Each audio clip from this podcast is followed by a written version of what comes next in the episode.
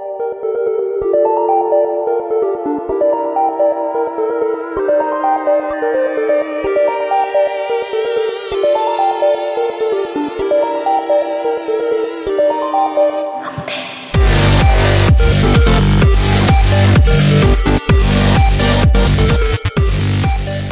Witamy Was po raz kolejny, tym razem już 207 w bezimiennym podcaście.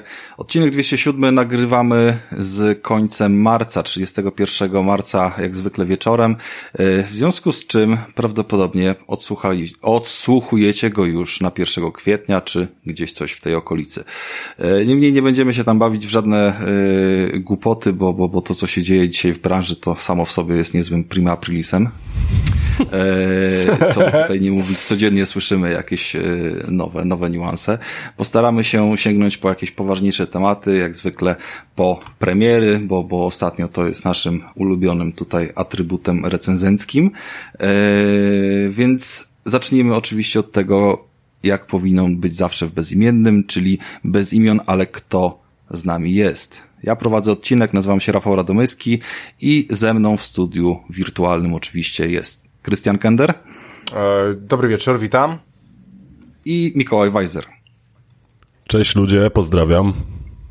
Coś Krystian zabrzmiał wyjątkowo blado dzisiaj. Mam nadzieję, że go tam jakieś nie rozbiera e, dziwne choróbsko. E, miejmy nadzieję, że przede wszystkim, że Krystian nie będzie nam dzisiaj przeszkadzał. To jest jakby moje życzenie. Mam nadzieję, że będę. Zamontowaliśmy w ogóle taki przycisk, że ja będę mógł go wyciszać, bo, bo to była ostatnio taka. Yy informacja. Myślałem, że guzik, guzik do rażenia prądem, taki jak obroże takie elektryczne są. To jest plan, bo ja w tym roku mam zamiar odwiedzić Krystiana i, i, i trochę spoiler, no bo, bo, bo właśnie ten guzik ma zostać dopiero wtedy zamontowany, w sensie druga końcówka tego guzika. Czekam. Guzik już mam, tylko ten porażacz jeszcze w fotelu y, trzeba, trzeba tam dowieść. Ale to, to gdzieś w okolicach pewnie tam wakacji jesieni.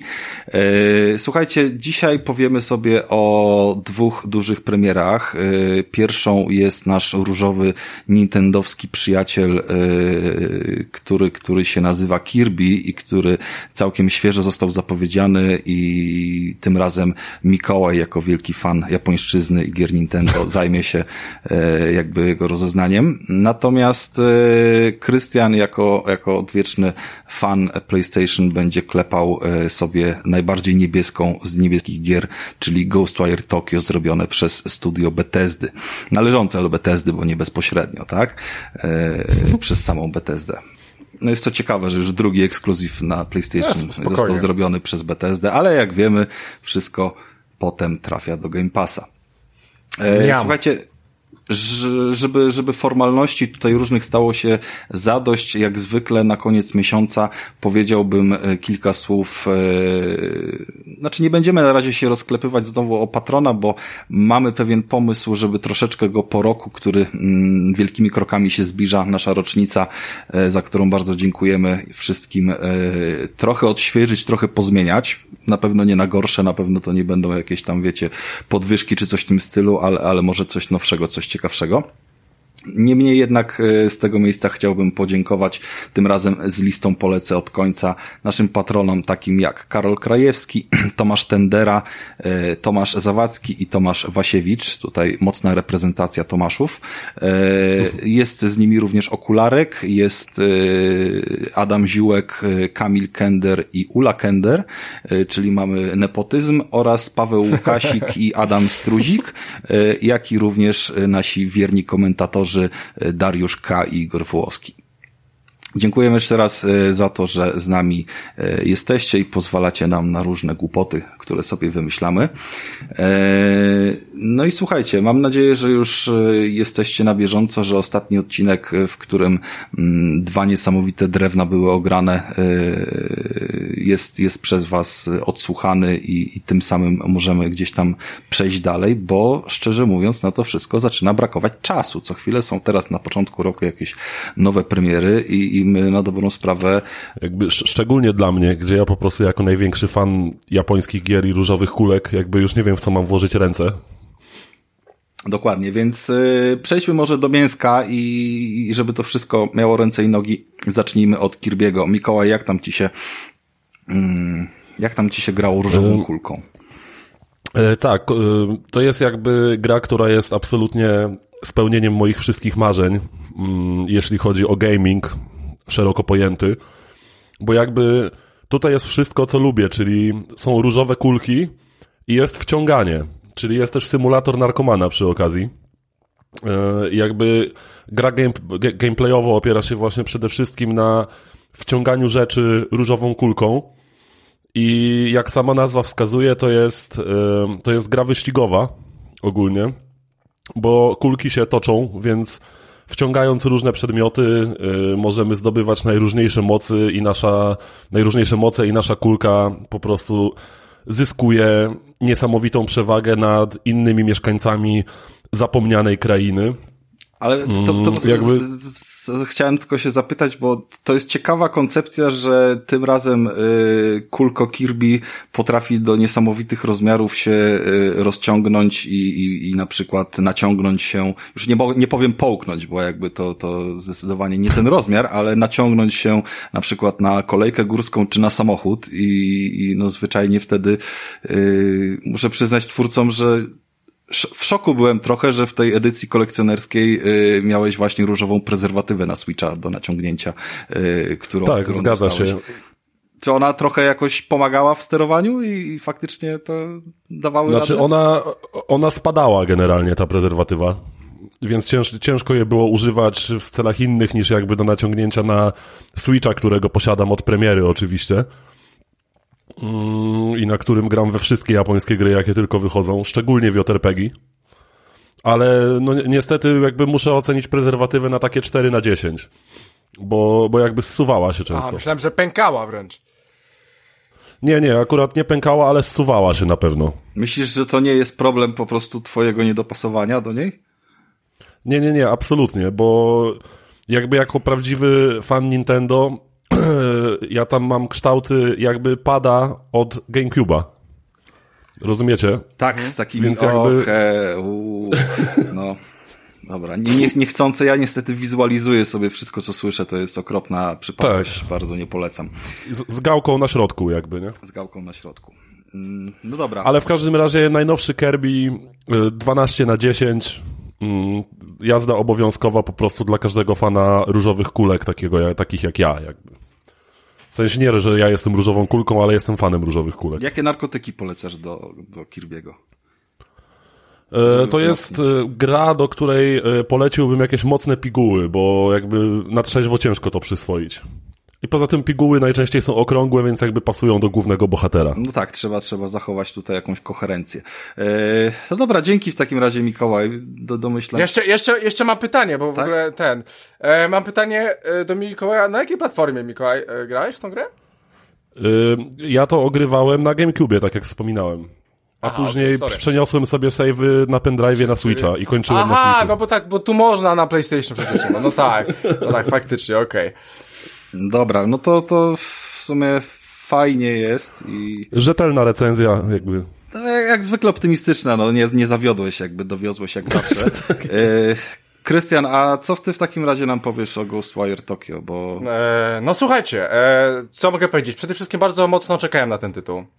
E, byłem wręcz e, w niebo wzięty, kiedy okazało się, że trafi tylko na PlayStation 5 przez najbliższy rok. E, co oznacza, że gra mojego jednego chyba z fajniejszych studiów będzie przez rok tylko na moją ulubioną konsolę, czyli PlayStation 5, więc po prostu z chęcią zakupiłem tą grę za 289 zł, pobiegłem i kupiłem. No i słuchajcie, oczywiście, oczywiście w żaden sposób się, w żaden sposób się nie rozczarowałem, ponieważ ten tytuł dostarcza wielu atrakcji. Powiem wam, że dla mnie Ghostwire Tokyo jest taką grą, w której mamy wiele gier w sobie. Mamy tutaj nawiązania do bardzo różnych gier. Przede wszystkim mamy tutaj nawiązania do GTA, ponieważ mamy duże miasto, jest mapa, tylko że nie można samochodami jeździć i ich kraść, ale ogólnie są takie elementy. Czy na przykład zauważyłem, że deszcz pada, więc myślę, że twórcy brali bardzo, bardzo mocno inspirowali się Heavy Rainem. E, w tym tytule. E, poza tym e, widziałem, bo tutaj mam taki, mam tutaj taki gameplay, to jest już szósta część w ogóle, bo tak, bo tak właśnie już jestem na szóstej części tej gry. Nie, nie wiem ile ona ma tutaj części na tym YouTubie. 12. możliwe, no to jestem w połowie gry fakty, praktycznie, więc e, słuchajcie, e, bardzo duże nawiązania do Harry'ego Pottera, tylko nie krzyczy Alohamora. E, rzuca różne, różne spele, walczy jakimiś głupotami, tam czaruje, napierdala tych ludzi, e, no ale, ale teksty są troszeczkę inne, więc tutaj chyba będzie będzie minus jeden, bo ta muzyka mi nie odpowiada. Chciałbym, żeby było tak jak w Harry Potterze, bo jestem też e, wielkim a, a fanem czy, Harry'ego jest, Pottera. Jest, jest dubbing tak jak we wszystkich grach na PlayStation, czy nie ma dubbingu tak jak we wszystkich grach? E, wiesz co? E, powiem ci, że odpaliłem... Bo to jest zawsze problem e, dla nich. Tak, tak, to, to ja powiem ci inaczej. E, powiem ci, że ja odpaliłem ten gameplay dosyć niedawno, bo o, to w ogóle tak w szósty wziąłem e, i powiem ci, że bez dźwięku go oglądam, więc, więc nawet do końca nie wiem, o czym oni mówią. Okej. Okay. E, ale ja myślę, że aż ta, takiego, wiem, że na pewno nie mówią Alohamora, bo, bo to akurat sobie sprawdziłem. E, przed, przed tym nagraniem. E, no i słuchajcie, chyba taki element, który, który chyba był dla mnie najciekawszy, czyli można tutaj głaskać psy, no i oczywiście jest to nawiązanie z Fallouta 4 bo tam w ogóle całą grę można było przejść z psem, więc tutaj też grube nawiązanie do Fallouta 4, e, więc to mi się bardzo podobało. E, można też... A powiedz mi, Krystian, czy, no. czy kiedy głaszcze się psy w tej grze, to czy one się cieszą. One są się jakoś, ale czy są jakoś wykorzystane różne haptyczne funkcje DualSense'a w trakcie głaskania pieska? Bo jakby na to bym bardzo liczył. E, wie, wiesz co, e, ja na myszce takich rzeczy nie mam, a, a no, no klawiatura to wiadomo, więc e, powiem ci, że Ale to się niesamowicie nie dobrze sprawdzi, jak te, te pady nowe od y, Xboxa, które już trafi na Xboxa, będą wykorzystywane, te, które są z futrem, nie? Co, co widzieliście ostatnio. A, widziałem, będą, tak, to, to, to będzie dobre. To, to futro będzie reagowało. Okay, no tak. E, słuchajcie, więc, więc no chyba wszystko już powiedziałem o tej grze, no chyba więcej już o tej grze powiedzieć nie można. Wyczerpałem, wydaje mi się, że wyczerpałem temat, pomimo tego, że jestem dopiero w połowie tego filmiku, e, więc e, myślę, że jak najbardziej e, polecam. E, przede wszystkim osobom, które będą to miały za darmo w Game Passie e, i wtedy ja z pewnością e, bardziej do tego usiądę, czyli już za rok, już za rok. I wtedy wam więcej o troszeczkę powiem na temat tej gry, ale, ale po tej połowie połowie stwierdzam, że to jest bardzo dobry tytuł, jak najbardziej polecam 8 na 10. Dziękuję, Bethesda zdała egzamin, no tylko ta Alohamora jebana, ale już o, przeżyje, no. No Tyle. i zajebiście. Słuchajcie, dzięki w takim razie za, za, za mocny, mocny materiał. W sumie jakby nie patrzeć, dwie mocne premiery i, i myślę, że trochę zatrzęsną rynkiem.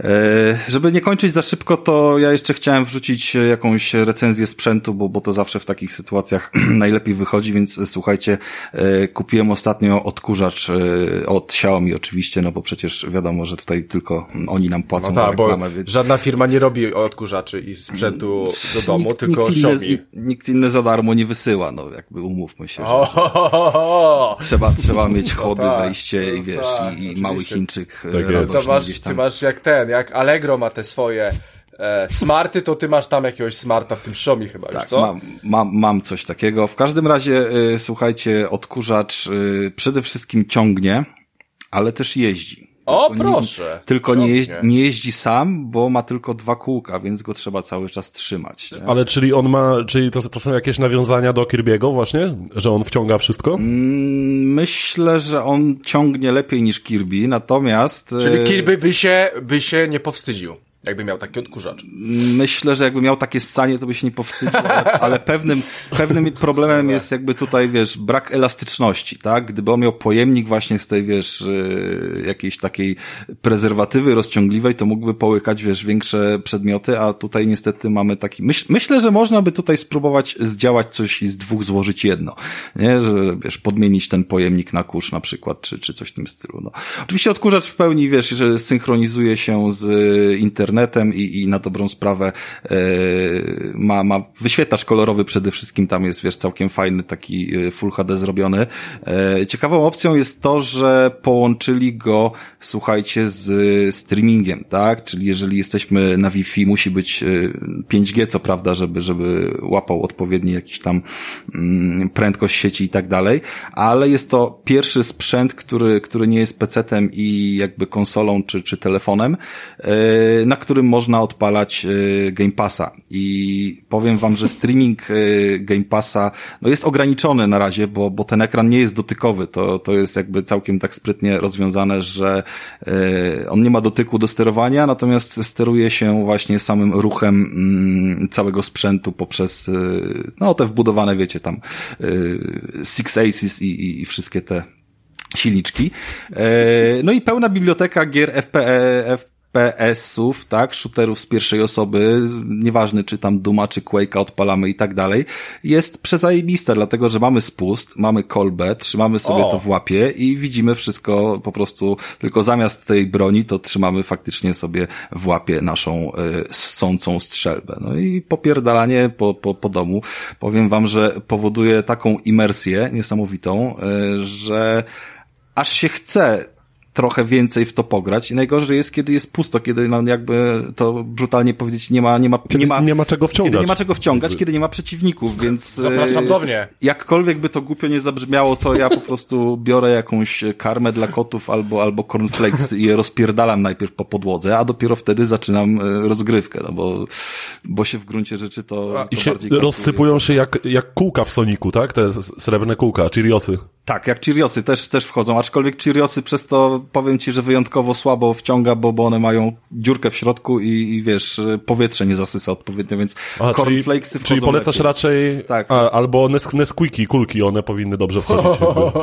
Nesquiki też, też wchodzą nieźle całkiem.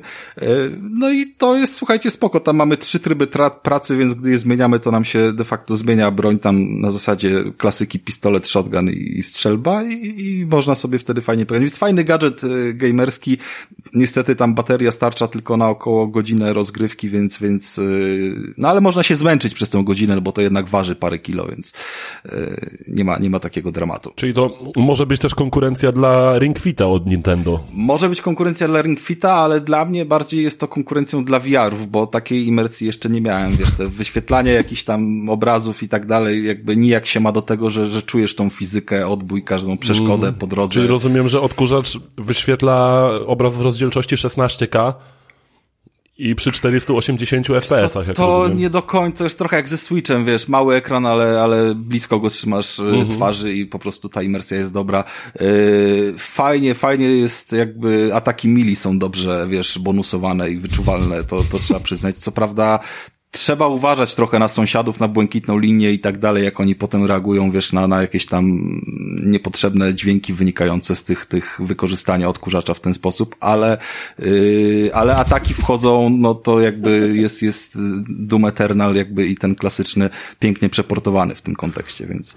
Dick Eternal. Dick Eternal się sprawdza. Yy, polecam, słuchajcie, myślę, że to niedługo będzie też w Europie, bo, bo, bo na razie to jest yy, wersja, bo... wersja jeszcze tam na rynek chiński dostępna, ale to na pewno podrzucę. Tak, i przez nasze koneksje z Xiaomi no, po prostu podesłali wiadomo, nam no, podrzut, do, te, do testów prototyp. Już będzie wam jakieś linki takie, które, za które mi zapłacą, jak przez nie wejdziecie, więc to, to się zrobi i, i jak zawsze będzie, mm, będzie w temacie. Dobra, to myślę, że w sumie temat wyczerpany i, i jak nie macie więcej pytań, to możemy... No, chyba, chyba możemy kończyć możemy odcinek, kończyć, tak mi się wydaje. Yy, więc był ze mną Mikołaj Weiser. Był ze mną Christian Kender. Byłem, tak. I... E, dobry wieczór, e, cześć, trzymajcie się, hej. I w sumie, i w sumie ja też byłem, Rafał, cześć, na razie, pozdro. Jeszcze więcej hajsu płaccie, elopa. Jingle. Poszli? Git, zajebiście. E, o Boże, to jest dobre. to jest dobre. Dobra. Tak, słuchajcie, teraz na poważnie, już jakby koniec okay. śmieszkowania. Okej, okay, no koniec śmieszkowania będziemy grali w grę, która ma 24 lata. Elo. Okay, dobra, to ja idę się wystrać. Nara. Słuchajcie, to, tak to jest. nie jest żart. Y, w tym odcinku odpuszczamy no nie, nie sobie, odpuszczamy sobie premiery. I w tym odcinku naszym y, kluczowym tematem będzie ogrywanie Metal Geara, jednej z y, gier historycznie docenionych chyba najmocniej, jeżeli chodzi o jakieś potencjał, nie wiem, zmiany całej branży i, i która wyniosła nazwisko Kojimy na, na takie salony, powiedzmy, yy, wszechobecne. Yy, takie pierwsze dzieło, które, które tutaj no zrobiło wielkie wow i to była w sumie jedyna gra gdzieś tam z, z epoki PlayStation pierwszego, która, yy, która gdzieś tam została stworzona przez niego, więc yy, no wiecie, to była piękna generacja. Po pierwsze do tych gier wszyscy mieli dostęp i nikt się nie pierdolił w jakieś oryginały czy, czy coś i nawet ja pamiętam, że moją kopię Metal Geara dostałem, yy, znaczy kupiłem oczywiście fachowo i tak dalej, ale od pewnego redaktora, który napisał recenzję tej gry, a ja do niego zadzwoniłem i zapytałem, ej skąd masz, bo ja też chcę, a nie ma w sklepach. To mi wysłał kurwa pirata yy, w wersji ze Stanów, nie? NTSC. Zajebiście było wtedy, naprawdę. Miałem wtedy chyba okrągłe 12 lat i, i, pamiętam, że po prostu z kumplem ogrywaliśmy jak pojebani. Tylko, że jak ze wszystkimi takimi tematami, które yy, ogrywamy jako dzieci i kochamy jako dzieci, gdy to są, nie wiem, gumy turbo albo wiecie, resoraki czy, czy, czy inne głupoty, to one po czasie trochę inaczej pachną, trochę inaczej smakują i jakby powrót do tych gier też potrafi być inny mimo wszystko jednak zawsze ta... Potrafi być wręcz bolesny momentami. Tak, no ale, ale nostalgia zawsze pozostaje. Wiesz, guma turbo może y, smakować chujowo, ale dalej będziesz cenił ją za naklejki i dalej będziesz wspominał, jak to było wspaniale, nie? E... Zgadza się. Celem naszego eksperymentu, bo ja nie będę tutaj w żaden sposób, wiesz, yy, bezstronny, wręcz przeciwnie, uwielbiam Kojimę, uwielbiam Metal Gear serię i, yy, i dla mnie lepszej nie ma. Natomiast Mikołaja ominął etap PlayStation pierwszego. Ominął, tak, tak. Ominęła go Kojima cała i jakby wszystkie Metal Geary, a nawet Death Stranding to jest coś, czego Mikołaj nie zna kompletnie. I tak się złożyło, że parę miesięcy temu Mikołaj, y, jak mnie odwiedził, to wyjechał ode mnie z y, PSX-em Classiciem, który jedną z 20 gier, które zawiera, to jest właśnie pierwszy Metal Gear. No i jedziesz. Jak to tam było? Tak jest. E, słuchajcie, mm, jakby końcówka lat 90., a konkretnie 98 rok ubiegłego już wieku. Ja wtedy miałem 7 lat, a Polska była raczej w tamtych czasach, mm, nie oszukujmy się, raczej krajem PC-ów i ewentualnie Pegasusa. Mm, ja jakiś rok, może dwa lata wcześniej zaczynałem jakby swoją piękną przygodę z grami, która trwa do dzisiaj – jednak wtedy grałem głównie na PC, kiedy to chodziłem do wujka y, na komputer, nie? Bo u, u nas w domu wtedy komputera nie było. Za to właśnie brat mojej mamy miał na tamte czasy bardzo mocnego peceta, więc chodziłem sobie do niego pograć. Mm, I na tym kompie, no to były gry typu Supaplex, nie, nie wiem czy pamiętacie taką grę. Mm. Tak, pamiętam. Supaplex to, to, to, ogrywałem w szkole taką na, czar kulką się w... na czarno-białych monitorach CRT się tak, grało w tak. Supaplexa, tak. który Dokładnie. swoją drogą w ogóle był chyba e, podróbką innego motywu takiej słynnej gry. Nie, nie, trochę. Blo, no. e, Boże, mm, coś tam Runner, bo, bo, bo, bo, bo jakiś Blade Runner czy coś w tym stylu było na NESie i, i to jest po prostu no, wiesz, może. wyciągnięcie tego. No w każdym razie. No nieważne. E, tak, no ja wtedy grałem raczej na PC-tach, więc Supaplex, Warcraft, Starcraft, e, platformery Disneya, to raczej to były tytuły, które mnie wtedy zajmowały, ale całkowicie mnie ominęły produkcje e, na jedną właśnie z najbardziej kultowych i przełomowych konsol tak naprawdę w historii, czyli na pierwsze PlayStation, na PSX-a. A były to produkcje nie byle jakie. Dlatego, tak jak Rafał wspomniał podczas mojej ostatniej wizyty u niego, wpadliśmy na pomysł, że żebym teraz, 24 lata po premierze, ograł jednego z największych klasyków w historii. Grę, która możliwe, że na zawsze zmieniła sposób narracji w tym medium, a może wręcz wprowadziła do gier filmowość jako taką. No i właśnie mowa oczywiście o Metal Gear Solid od Kojimy. Mm, I chciałbym dzisiaj właśnie pogadać z wami o tej grze z perspektywy kogoś, kogoś kto nie patrzy na nią jak na grę dzieciństwa, i bez jakichkolwiek różowych czy tęczowych okularów nostalgii. No i jak się trzyma MGS prawie ćwierć wieku od premiery i czy da się w niego zagrać po raz pierwszy właśnie teraz, po takim czasie? Mm.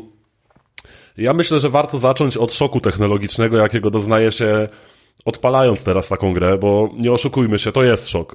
Jakby to jest zrozumiałe, że gry z epoki tego stosunkowo wczesnego 3D a szczególnie tego galaretowatego, rozedrganego 3D z pierwszego PlayStation, y, są bardzo specyficzne i owszem, y, początkowo rozciąłem sobie gałki oczne o ciosane z drewna modele postaci i otoczenia. Tutaj do tego właśnie powiedzieć, że grałeś de facto w najgorszą możliwą wersję, jeżeli chodzi o gdzieś tak. tam poziom graficzny, dlatego że no, emulacja PSX Classica powiedzmy, że w miarę dobrze oddaje oryginał. Yy, niemniej jednak ta gra wyglądała lepiej, gdy była po prostu natywnie odpalana we wstecznej kompatybilności, na przykład na PS3. Tak, poza tym no, ona inaczej yy, wyglądała na kineskopowym monitorze, inaczej tak? wyglądała kineskopowym na kineskopowym telewizorze. monitorze, a bez krakowania tego klasika to nie można tam sobie żadnych tych funkcji wyświetlania obrazu symulować, zmieniać i tak dalej.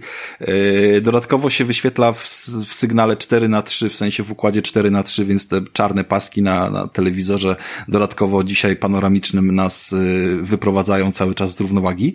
Mm, tak pady w PSX Classic, Classicu nie mają analoga, więc to są te... A do, do tego chciałem przejść to, jakby. To, to okej, okay, ale jeszcze tylko powiem, że większość screenów, jeżeli nawet ktoś z was nie zna Metal Gear, będzie chciał zajrzeć sobie jak to wygląda i, i zgooglować, to bardzo dużo tych screenów z uwagi na łatwość ich y, wyciągnięcia czy pobrania zawiera, jakby jest wyciągnięte z wersji PC-owej, która jest dostępna cały czas na Gogu, kosztuje tam 25 czy 35 zł, jak traficie.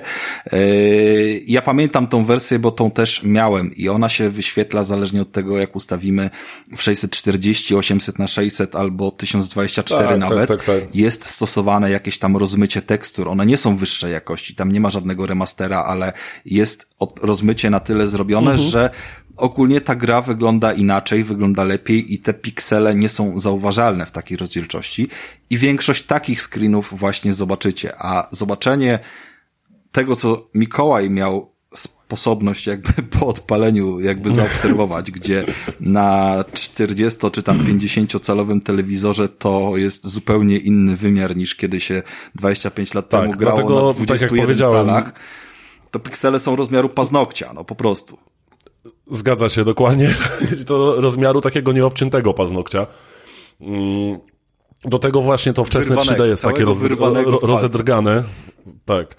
Jest takie rozedrgane to 3D, jak jakby każde 3D na PSX-ie. Ale jednak już kilka minut później okazuje się, że mamy do czynienia z całkiem współczesną, yy, mającą cechy jakiegoś artyzmu, pracą kamery w przerywnikach filmowych są dynamiczne cięcia, są zmiany perspektywy, różne filtry, efekty i tak dalej. I z każdą kolejną chwilą okazywało się, że nagle ja coraz mniej zauważam przepaść technologiczną dzielącą MGS-a i współczesne gry, a coraz bardziej angażuje mnie po prostu zwyczajnie wciągający gameplay i słuchanie zacnych dialogów w świetnie wykonanych przerywnikach, tak? I, i ta gra zaczęła po prostu pokazywać swoją moc. Mm, grafika ma też drugą stronę w tej grze, która dla odmiany zrobiła na mnie niesamowite wrażenie. Bo jak tu nie być pełnym podziwu, widząc w łazience w tej grze działające lustro, kiedy wiele gier, wiele współczesnych gier nie potrafi tego dobrze ogarnąć i lustra są pobite albo brudne i tak dalej, a tutaj mamy w pełni funkcjonalne działające lustro, albo sufit i lampy odbijające się w błyszczącej posadce gabinetu, w którym walczymy z Psychomantisem, prawda?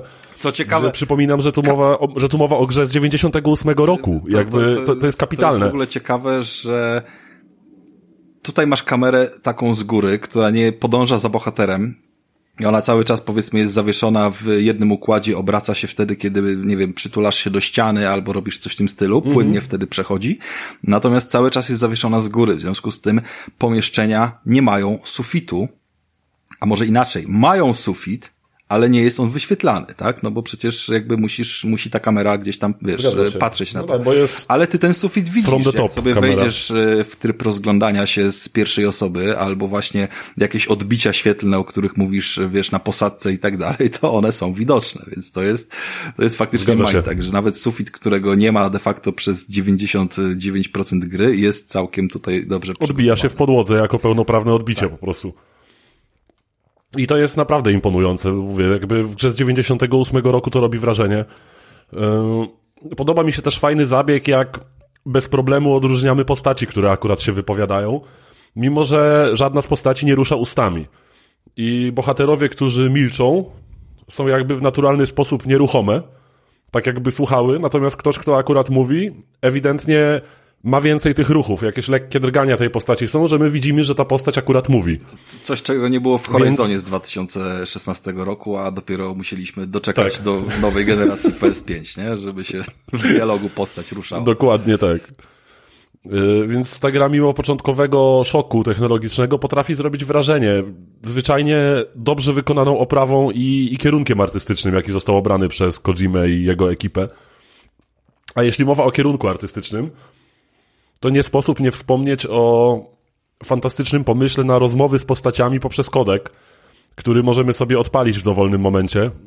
Kodek to jest taki komunikator, jakby którego w tym uniwersum postaci używają.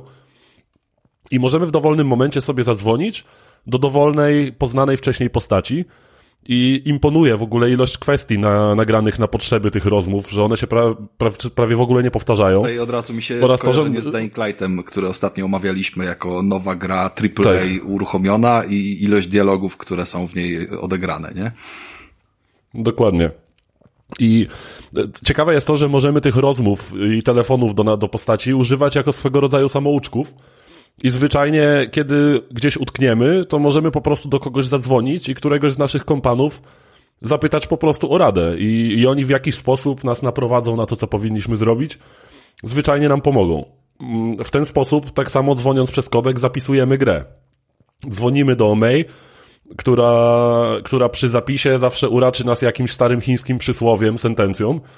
I tym rozmowom nie brakuje humoru i typowego dla Kojimy, znaczy teraz już typowego, wtedy jakby, jakby to była nowość, ale nie brakuje takiego typowego dla Kojimy kiczowatego i przerysowa, przerysowanego patosu. To jest zajebista rzecz po prostu. Mi się tak dobrze tych dialogów słuchało, to jest fantastyczne. Mm. Jeszcze, będąc, ty Rafał, może tym, powiedz, bo... przy tym, co teraz powiedziałeś, to... Mm... Chciałem właśnie się ciebie o coś zapytać, o fajny zabieg z częstotliwością na pudełku, tak? pod którą trzeba było zadzwonić. Tak, tak, tak, tak, dokładnie. Dobra. To chciałem, tak, żebyś tak, ty może tak. o tym powiedział, bo jakby lepiej znasz te kwestie.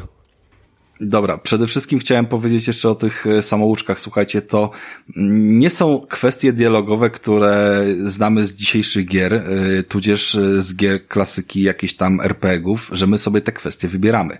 Mm, jakby dialog, który się pojawi, jest, jakby gra decyduje o tym, który dialog i która rozmowa w tym momencie nam się pojawi. Niemniej jednak nie wydaje mi się, żeby Mikołaj usłyszał dublujące się dialogi chociaż raz przez tą całą grę.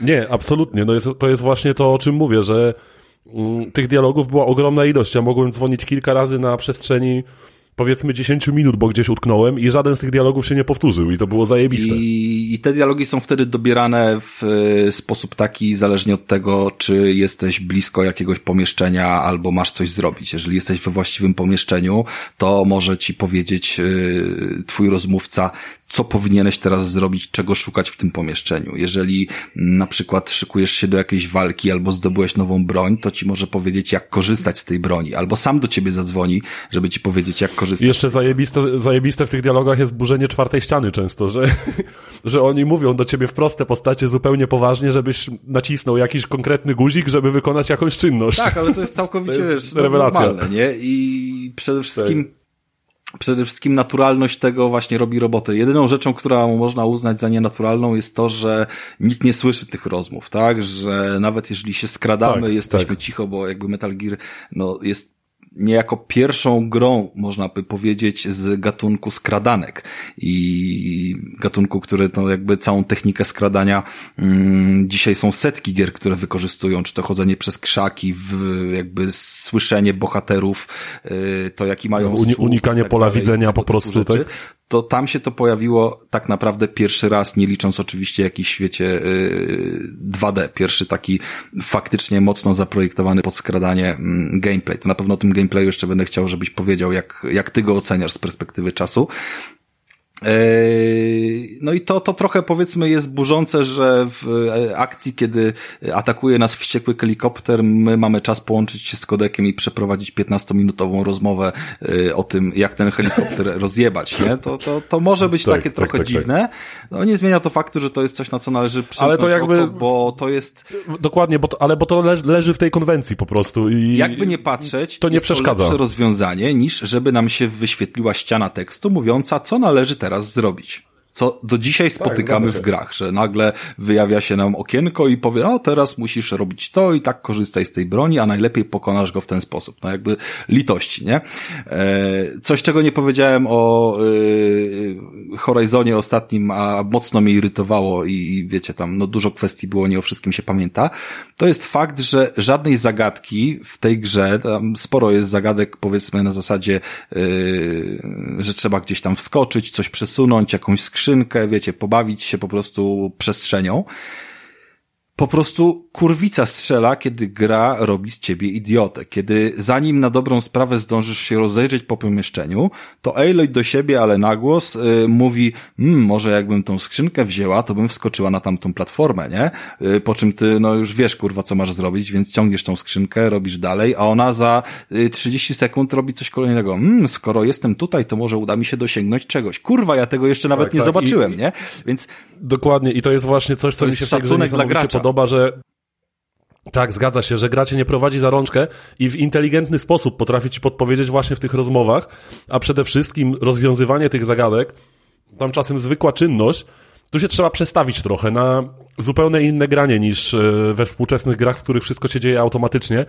I ja tutaj na przykład na samym początku gry utknąłem, bo niby miałem kartę dostępu do jakichś drzwi, ale nie, by, nie byłem w stanie przez nie przejść i dopiero musiałem odkryć po prostu w jakiś sposób, że, że muszę sobie tę kartę wyekwipować, że muszę wybrać ekwipunek, wy, wyjąć tę kartę na wierzch jakby i dopiero wtedy mogę przechodzić przez drzwi, które mi ta karta otwiera. No bo masz lewą Więc rękę i prawą niesamowicie rękę tak naprawdę. No, znaczy, no, inaczej, fantastyczny, to nie jest lewa ręka, dokładnie. ręka, tylko to jest jeden przedmiot broń, a drugi przedmiot y, do użytku. I, Użytkowy i jakiś, tak. Nie można sobie założyć. I to jest fantastyczne, taki organiczne po prostu właśnie to, co ja lubię w tych grach, właśnie ta organiczność.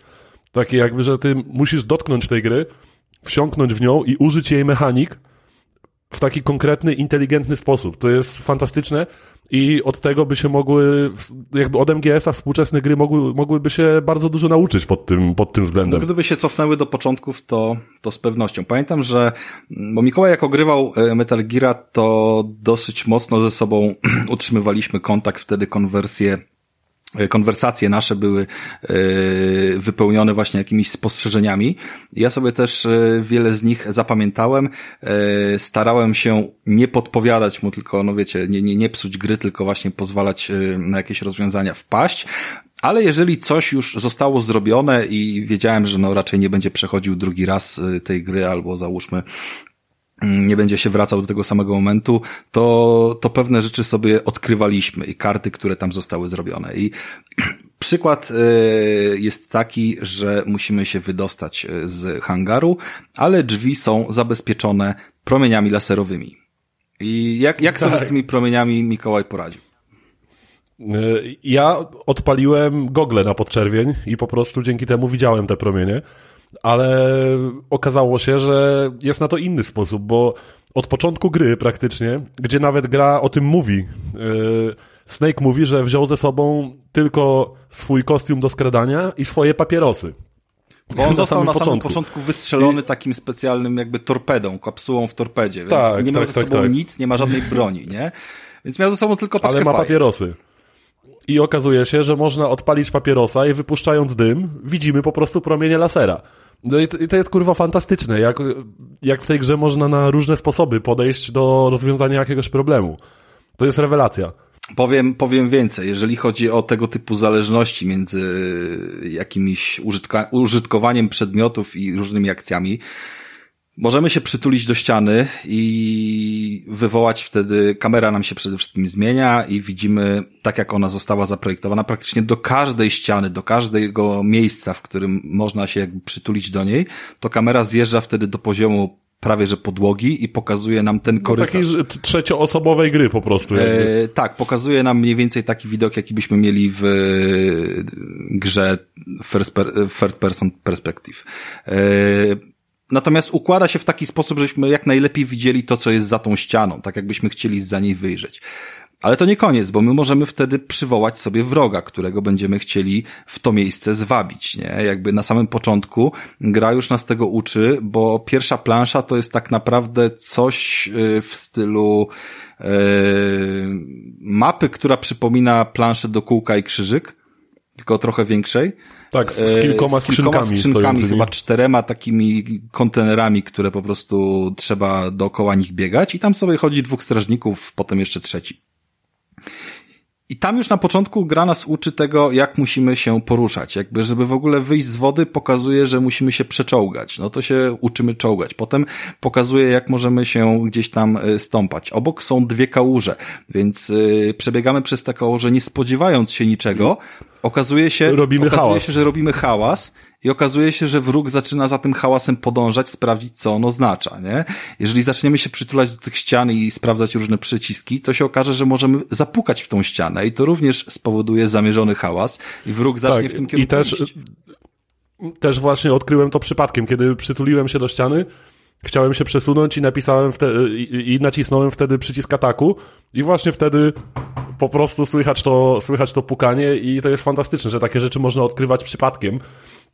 I jakby mm, ta gra na każdym kroku potrafi zaskakiwać właśnie takimi rozwiązaniami, albo już absolutnie genialne pomysły na jakąś metagrę wręcz, jak na przykład kwestia, kiedy nie mogłem pokonać wspomnianego już Psycho Mantisa, który po prostu blokował wszystkie moje ataki mm, i okazało się, przypomniałem sobie jakby z jakichś materiałów, które oglądałem na temat MGS-a kiedyś, bo powiedzmy, ja nie grałem w tę grę wcześniej, nie miałem do czynienia z Kojimą, no ale jakby oczywiście znam, słyszałem i oglądałem tam różne materiały, no bo to absolutny Trudno klasyk. ominąć było I okazało się, tak, tak, dokładnie. I okazało się, że przypomniałem sobie, że to przecież w tej grze była taka kwestia, że żeby móc zacząć atakować Mantisa, który czytał nam w myślach, trzeba było wyjąć kontro odpiąć kontroler od konsoli, i wpiąć go po prostu w drugie gniazdo. I wtedy Mantis nie mógł odczytywać naszych myśli i, i mogliśmy go zacząć atakować. Nie robił uników. I ja sobie... I, dokładnie, nie robił uników po prostu. I ja sobie wyobrażam, jak kurewsko zajebiste wrażenie musiało to robić te ponad 20 lat temu i jaką satysfakcję to musiało dawać, kiedy nie można było sobie wszystkiego wygooglować.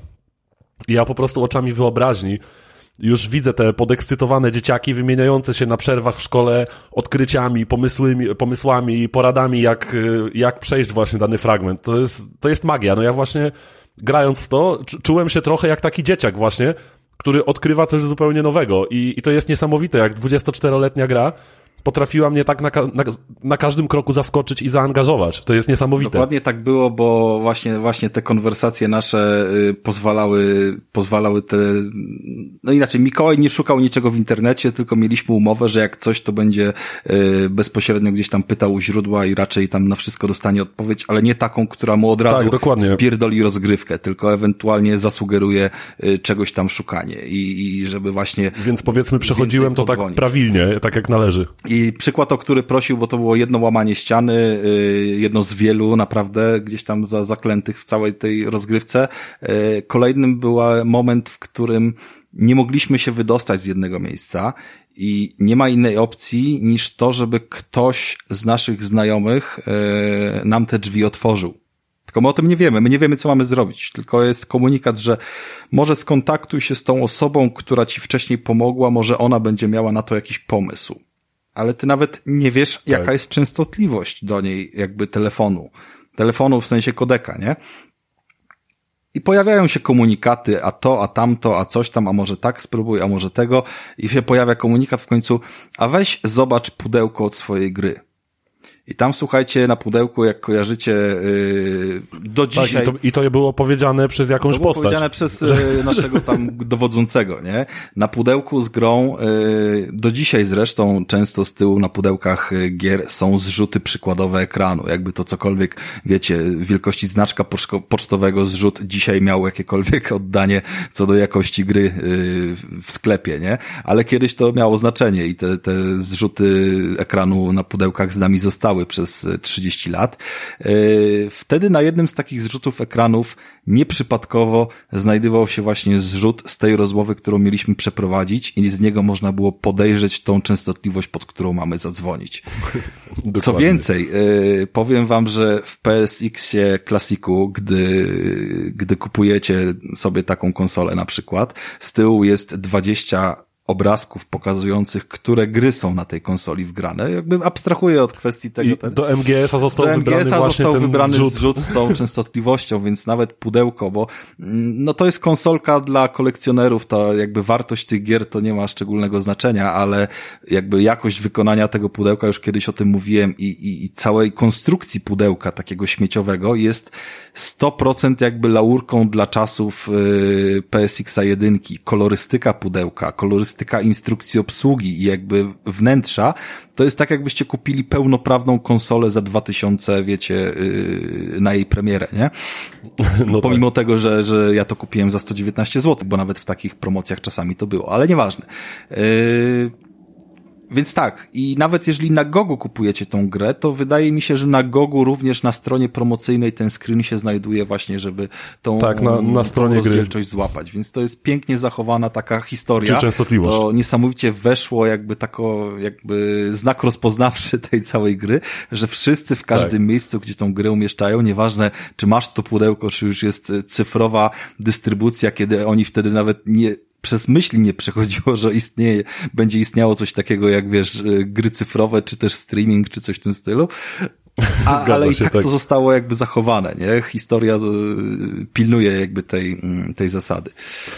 Tak, tak, zgadza się. Właśnie, także tak jak właśnie słyszycie, mm, gameplayowo ta gra jest po prostu niesamowicie angażująca i, i to jest coś, czego w niejednej współczesnej grze potrafi brakować właśnie, żeby gameplay był naprawdę organicznie angażujący całego gracza pod każdym względem.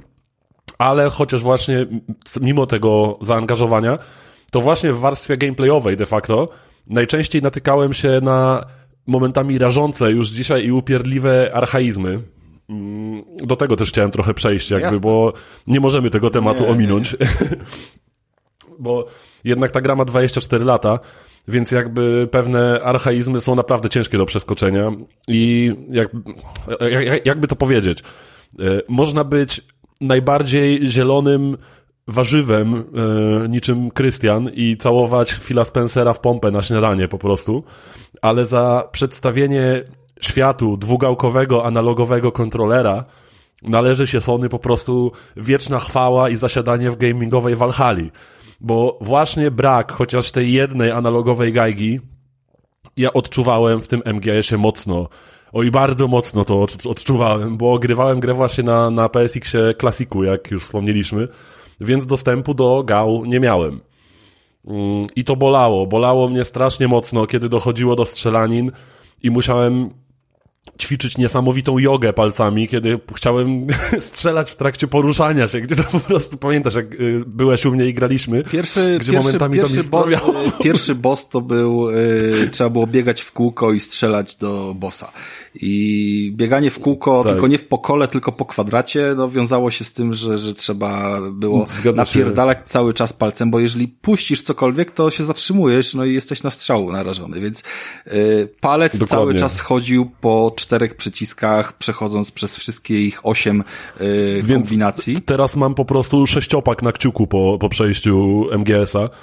Mm, Ale większy problem, większy jakby... problem chyba jeszcze to powodowało przy yy, snajperce, co? Bo, bo do, do, słuchaj, czekaj, do, do, tego przejdę zaraz. Do tego sterowania, kiedy jakby używasz go cały czas przez 99% tak. gry. Znaczy inaczej, ja jakby, ja w, przy strzelaninach yy, dopiero jakby teraz widzę, jak bardzo doceniam teraz yy, mechanikę twin stick shooterów, za którą na co dzień generalnie nie przepadam, ale kiedy zabrane mi zostały analogii, to widzę, ile one znaczą.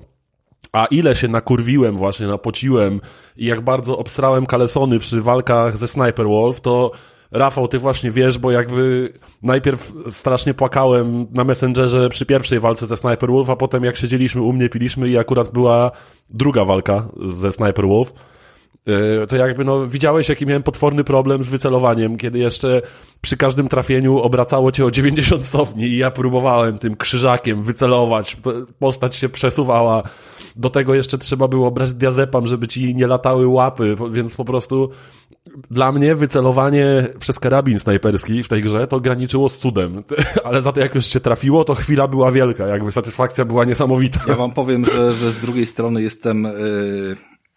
Po pierwsze jest, byłem pod, pod wielkim wrażeniem, jak u mnie zadziałała pamięć mięśniowa, bo ja nie potrafiłem y, czasami tak. Mikołajowi wytłumaczyć, którą kombinację przycisków trzeba zastosować, żeby na przykład y, strzelać. Musiałeś po prostu pada do biegając, ręki wziąć. tak? Ale mówiłem, słuchaj, mm. na mhm. pewno da się strzelać biegając, wciskaj na pałę te przyciski, kombinuj, zrób to, na pewno da się strzelać biegając, musisz przytrzymać krzyżyk albo kwadrat, coś tam, coś tam i dopiero wtedy.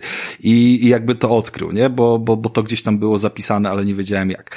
Jak przychodziło tam do jakichś innych opcji, to ja chyba przyjechałem do Mikołaja i też graliśmy razem w tego Metal Geara mm, w momencie, Mikołaj pierwszy raz się w ogóle zawiesił e, na walce snajperskiej, tak jak powiedział, bo udało tak. mu się ją przejść, był zdeterminowany na bardzo dobrym poziomie, e, przeszedł dalej i dalej miał e, sekwencję taką, w której zginął. I, i to, jest, to, jest, bo w ogóle... to jest idealny moment, w którym e, ktoś 25 e, lat później przyzwyczajony do tego, jak działają gry i... i tak, dokładnie. To jest, to jest sytuacja, w której ktoś przyzwyczajony do dzisiejszych Ale sytuacji. ja nie wiem, e, Rafał, czy ty pamiętasz, jakby co nas spotkało, kiedy przeszliśmy już tam dalej w tej walce, ale I to też, to też pamiętam, jakby spory fragment to, to, to od nowa, kiedy ja takie... idąc do kibla wyjebałem konsolę, bo pociągnąłem za kabel. Tak, i Mikołaj ja włączyłem konsolę od zasilania. To przecież e, włączy się w tym samym momencie. Jakby, no przecież ostatniego save'a nawet nie robiliśmy żadnego, tylko trzy godziny gry mieliśmy do powtórzenia. Co prawda te trzy godziny gry, jak ja wziąłem pada, to powtórzyliśmy w pół godziny, pomijając dialogi plus jakby same walki szybko poszły, tak. więc, więc poszło to szybciej, ale zapomniało się o takich rzeczach, że te save'y wtedy, one w ogóle nie były standardem. Pamiętajmy o tym, że wtedy karta pamięci była akcesorium dodatkowym. Yy, Zgadza karta się. pamięci, tak, tak, tak. jeżeli nie była dostępna, to trzeba było po prostu konsoli nie wyłączać i, i to była jedyna opcja, żeby albo przejść grę na raz, po prostu jednego dnia zacząć, drugiego dnia skończyć.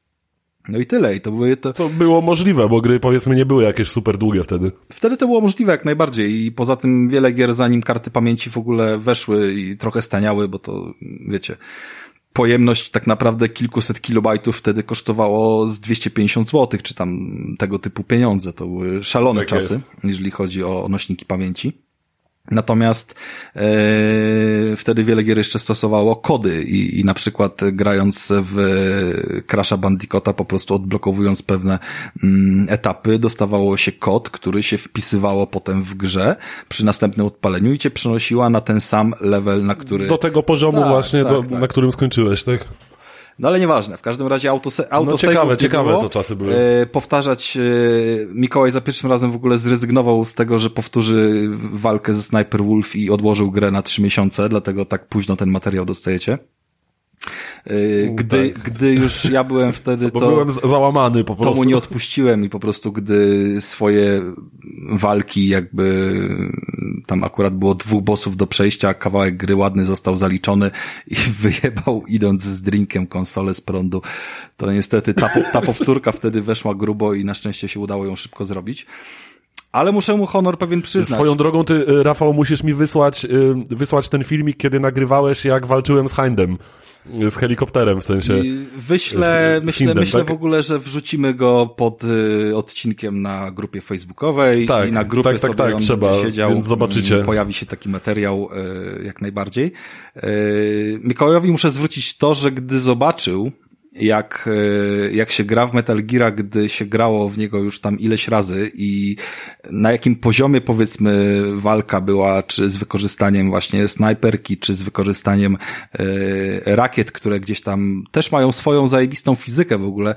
Korzystanie z wyrzutni rakiet, e, która jest Stingerem, powoduje, że ta tak, rakieta... Tak, wy... rozkminialiśmy, ona zakręca ona, trochę ta Ona rakieta. wyskakuje, jest jakby wybijana z wyrzutni w prawo jeżeli jesteś przy ścianie, w lewo, no, jeżeli jesteś razie... przy ścianie, to rakieta zostanie wyrzucona na ścianę i na niej wybuchnie i sam się możesz w ten sposób zajebać, nie? Więc robiło się... To co mi się też zdarzyło mi przy też się zdarzyło, jak najbardziej, ale robiło się już no. po prostu takie cuda, że się namierzało ten y, helikopter, po czym się robiło szybki, krótki ruch w lewo, żeby wycelować w inne miejsce, ale żeby on jeszcze był namierzony i wtedy się dopiero wyrzucało gdzieś tam broń, więc yy, chcę tylko powiedzieć, że od zera do bohatera było tutaj grane wiele razy i byłem mega, mega pełen jakby podziwu, że Mikołaj potrafił tak te mechaniki mm, wyuczyć i ogarniać i po kilku podejściach, e, czy tego Hinda, czy Sniper Wolfa. Udało się Hinda bez hita. Hinda zrobił bez zabić, hita, pamiętam. a Sniper Wolfa, jak ja mu przeszedłem po tym, jak był wkurwiony, to potem sam również odpalił sobie i jeszcze przeszedł tą walkę, żeby nie mieć yy, presji, że tego tak, nie tak, zrobił jakby sam, więc... Czułem się, czułem się po prostu w obowiązku, żeby przejść ten fragment jeszcze raz, żeby nie było, że ktoś mi przeszedł jakiś fragment, jakby chciałem tę grę rozjebać sam i, i jakby nie odpuściłem sobie.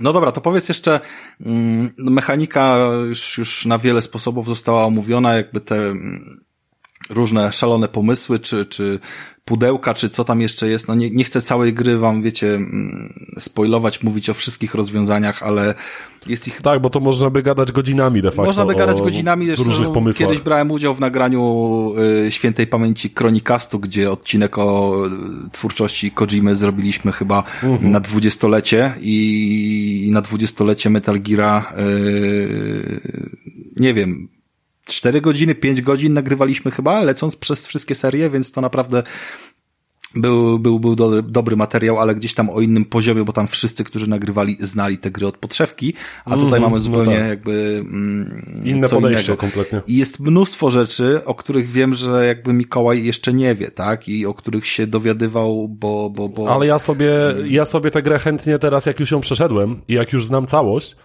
to ja teraz z chęcią ją przejdę jeszcze raz, bo w ogóle wtedy, kiedy graliśmy, to Agacie się ta gra bardzo spodobała, mimo że ona nie umie grać w takie gry. To zwyczajnie jej się dobrze patrzyło, jak my w to graliśmy, jak się jaraliśmy po prostu, jak coś wychodziło, jej się to bardzo podobało i ona sama mi powiedziała, że chętnie ze mną po prostu przejdzie tę grę jakby od początku do końca. Plus bo... Y, Metal Gear wynagradza, jakby zachęca, no tamte gry z tamtych czasów y, mocno na to, jakby one nie były aż tak długie, pomijając JRPG, mm -hmm. to, to raczej krótsze były niż dzisiaj. Tak, no to tak naprawdę jak już się wie co robić, to można w te 5 godzin, 5-6 godzin tego Metal Gear skończyć spokojnie. Można, szczególnie przewijając dialogi. E, niemniej jednak dostaje się za zakończenie gry e, przy pierwszym przejściu jeden z dwóch bonusów. Potem zakładając, że się inne zakończenie zrobi, to się dostaje drugi z bonusów.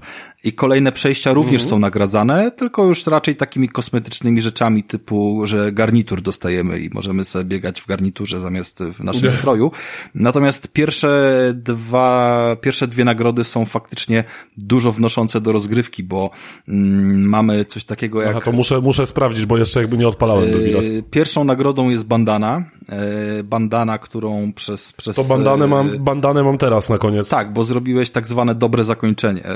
Jakby zakończenie to nie jest w tej grze jakby nie ma żadnych decyzji, nie? Tutaj czy w mhm. dialogach, czy w czymkolwiek nie podejmujemy żadnych wyborów. Tylko w gameplayu. Mm, tylko w samym gameplayu, a jest moment, w którym mamy tortury. My na tych torturach niejako nie możemy zginąć, ale możemy przegrać, możemy nie, nie, nie wytrzymać i, i, się poddać. I wtedy, jeżeli się poddamy, to mamy złe zakończenie parę godzin później, a jeżeli będziemy odpowiednio szybko naciskali kółko, to, tak to będziemy mieli dobre zakończenie, bo, bo również coś tam się wydarzy innego. Akurat warstwy fabularnej mimo wszystko nie będę spoilował.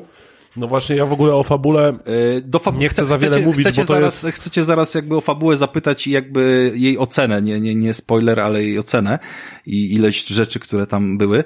Ale powiem tylko, że te dwa elementy, które dostajemy, to z jednej strony jest to kamuflaż optyczny, który powoduje, że nas wrogowie nie widzą i pozwala na niesamowicie jakby innego typu rozgrywkę, no bo jeżeli w skradance mamy kamuflaż optyczny, to litości, co się może dziać, to, to no tak. warto sobie, znaczy można sobie wyobrazić. Natomiast drugą opcją jest nieskończona amunicja. I to jest Uhu. drugi scenariusz, który właśnie będzie, ta bandana musi być wyekwipowana oczywiście, Mikołaj. Mhm. Ale Mikołaj też miał problem w pewnym momencie, że zużył amunicję do granatów zakłócających elektronikę. Tak, i nie myślałem, był, że utknę w tym, w tym nie momencie. Nie był w stanie w przejść tego momentu, bo był moment, w którym po prostu te granaty były niezbędne, żeby no, przejść. Było dużo wieżyczek, y, automatycznych wieżyczek właśnie systemu obronnego i musiałem wejść po takiej długiej klatce schodowej, gdzie na każdym kolejnym piętrze było coraz więcej wieżyczek, które po prostu jak tylko znaleźliśmy się w polu ich widzenia, od razu bezlitośnie nakurwiały do Snake'a. No i ja nie miałem jak tych wieżyczek zakłócić. I już myślałem, szczerze mówiąc, że będę musiał powtarzać znowu, nie wiem, z 2-3 godziny gry, żeby po prostu ukisić odpowiednią ilość tych, tych granatów w ekwipunku. Mm, ale jakoś udało mi się, po prostu pobiegłem na Jolo, na Jana, nie, to było wtedy jak ja przyjechałem. Od tego momentu wyszliśmy jak ja przyjechałem i jakimś cudem po prostu przez to przebiegliśmy. A tak, bo tam coś z tymi save'ami było, pamiętam, że cofnęło mnie w ogóle jakoś. Wiem, i, że się udało zrobić tak, że tych granatów prze, dalej nie miałeś. na jolo. Gran, no. Granatów dalej nie miałeś więcej, ale jakimś cudem życia miałeś więcej. Chyba e, znalazło się tak, jakiegoś tak, tak, tak, się dokładnie. udało znaleźć i mogłeś przyjąć tego strzała czy dwa. Mm, w każdym razie, yy, jest to gra, która potrafi się też odwdzięczyć tym powtórnym mm, przejściem i eksperymentowaniem, które tam się pojawia, bo bo jest dużo rzeczy, które po prostu tam jeszcze w dialogach można odkryć. Jak, jak chociażby mm, pamiętasz, jak z psami musiałeś walczyć i byłeś jako miłośnik zwierząt y, mega zirytowany tym, że te psy tak, musiałeś no. Y, strzelać do nich. Znaczy ja starałem się do nich nie strzelać, po prostu ja tam ten fragment w końcu przebiegłem, po prostu nie starałem się nie walczyć z tymi, z tymi zwierzakami.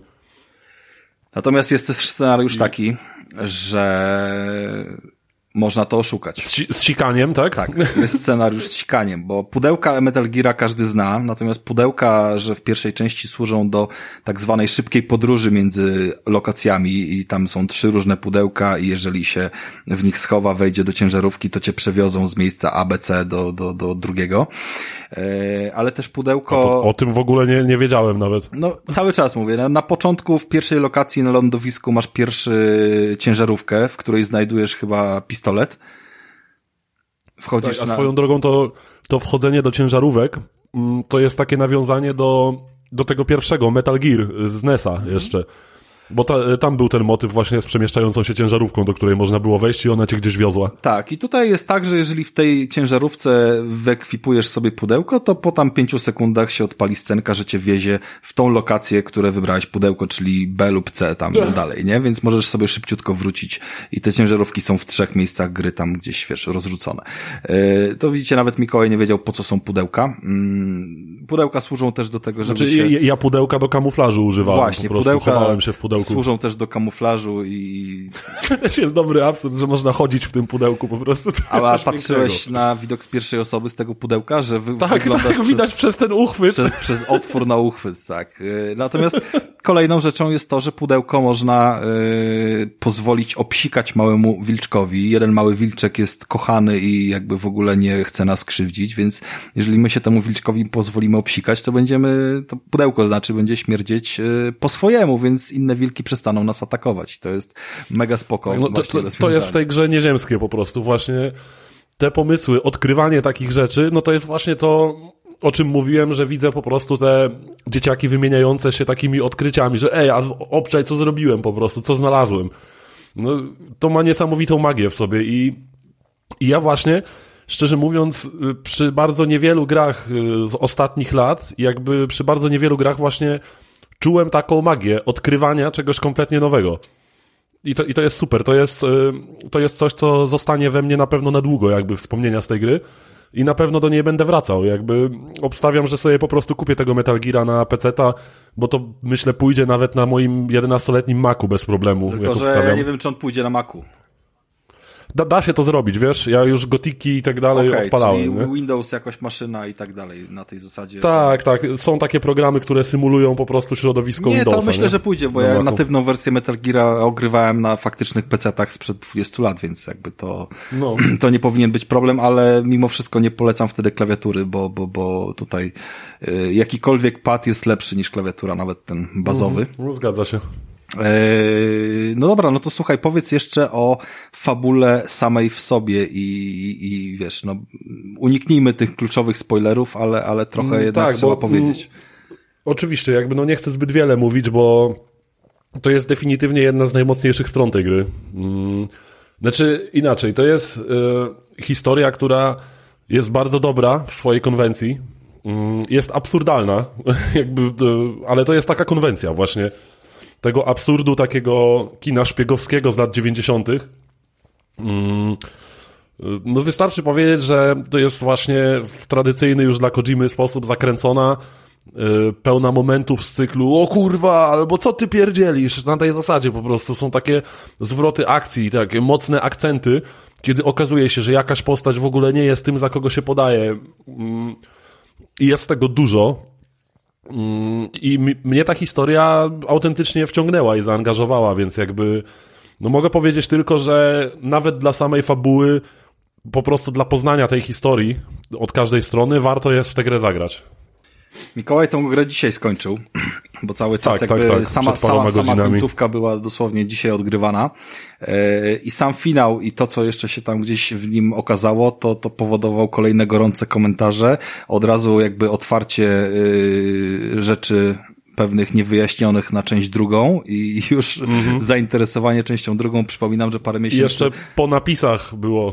Dokładnie. Scena po no napisach, jak u Marvela. E, więc przypominam, że parę miesięcy temu mówiłem o tym, że kolekcja Metal Gear w postaci drugiej, trzeciej części i to w wersji HD remaster, czyli takiej już e, ciut poprawionej, dostępnej na Xboxa 360, zniknęła ze sklepu online.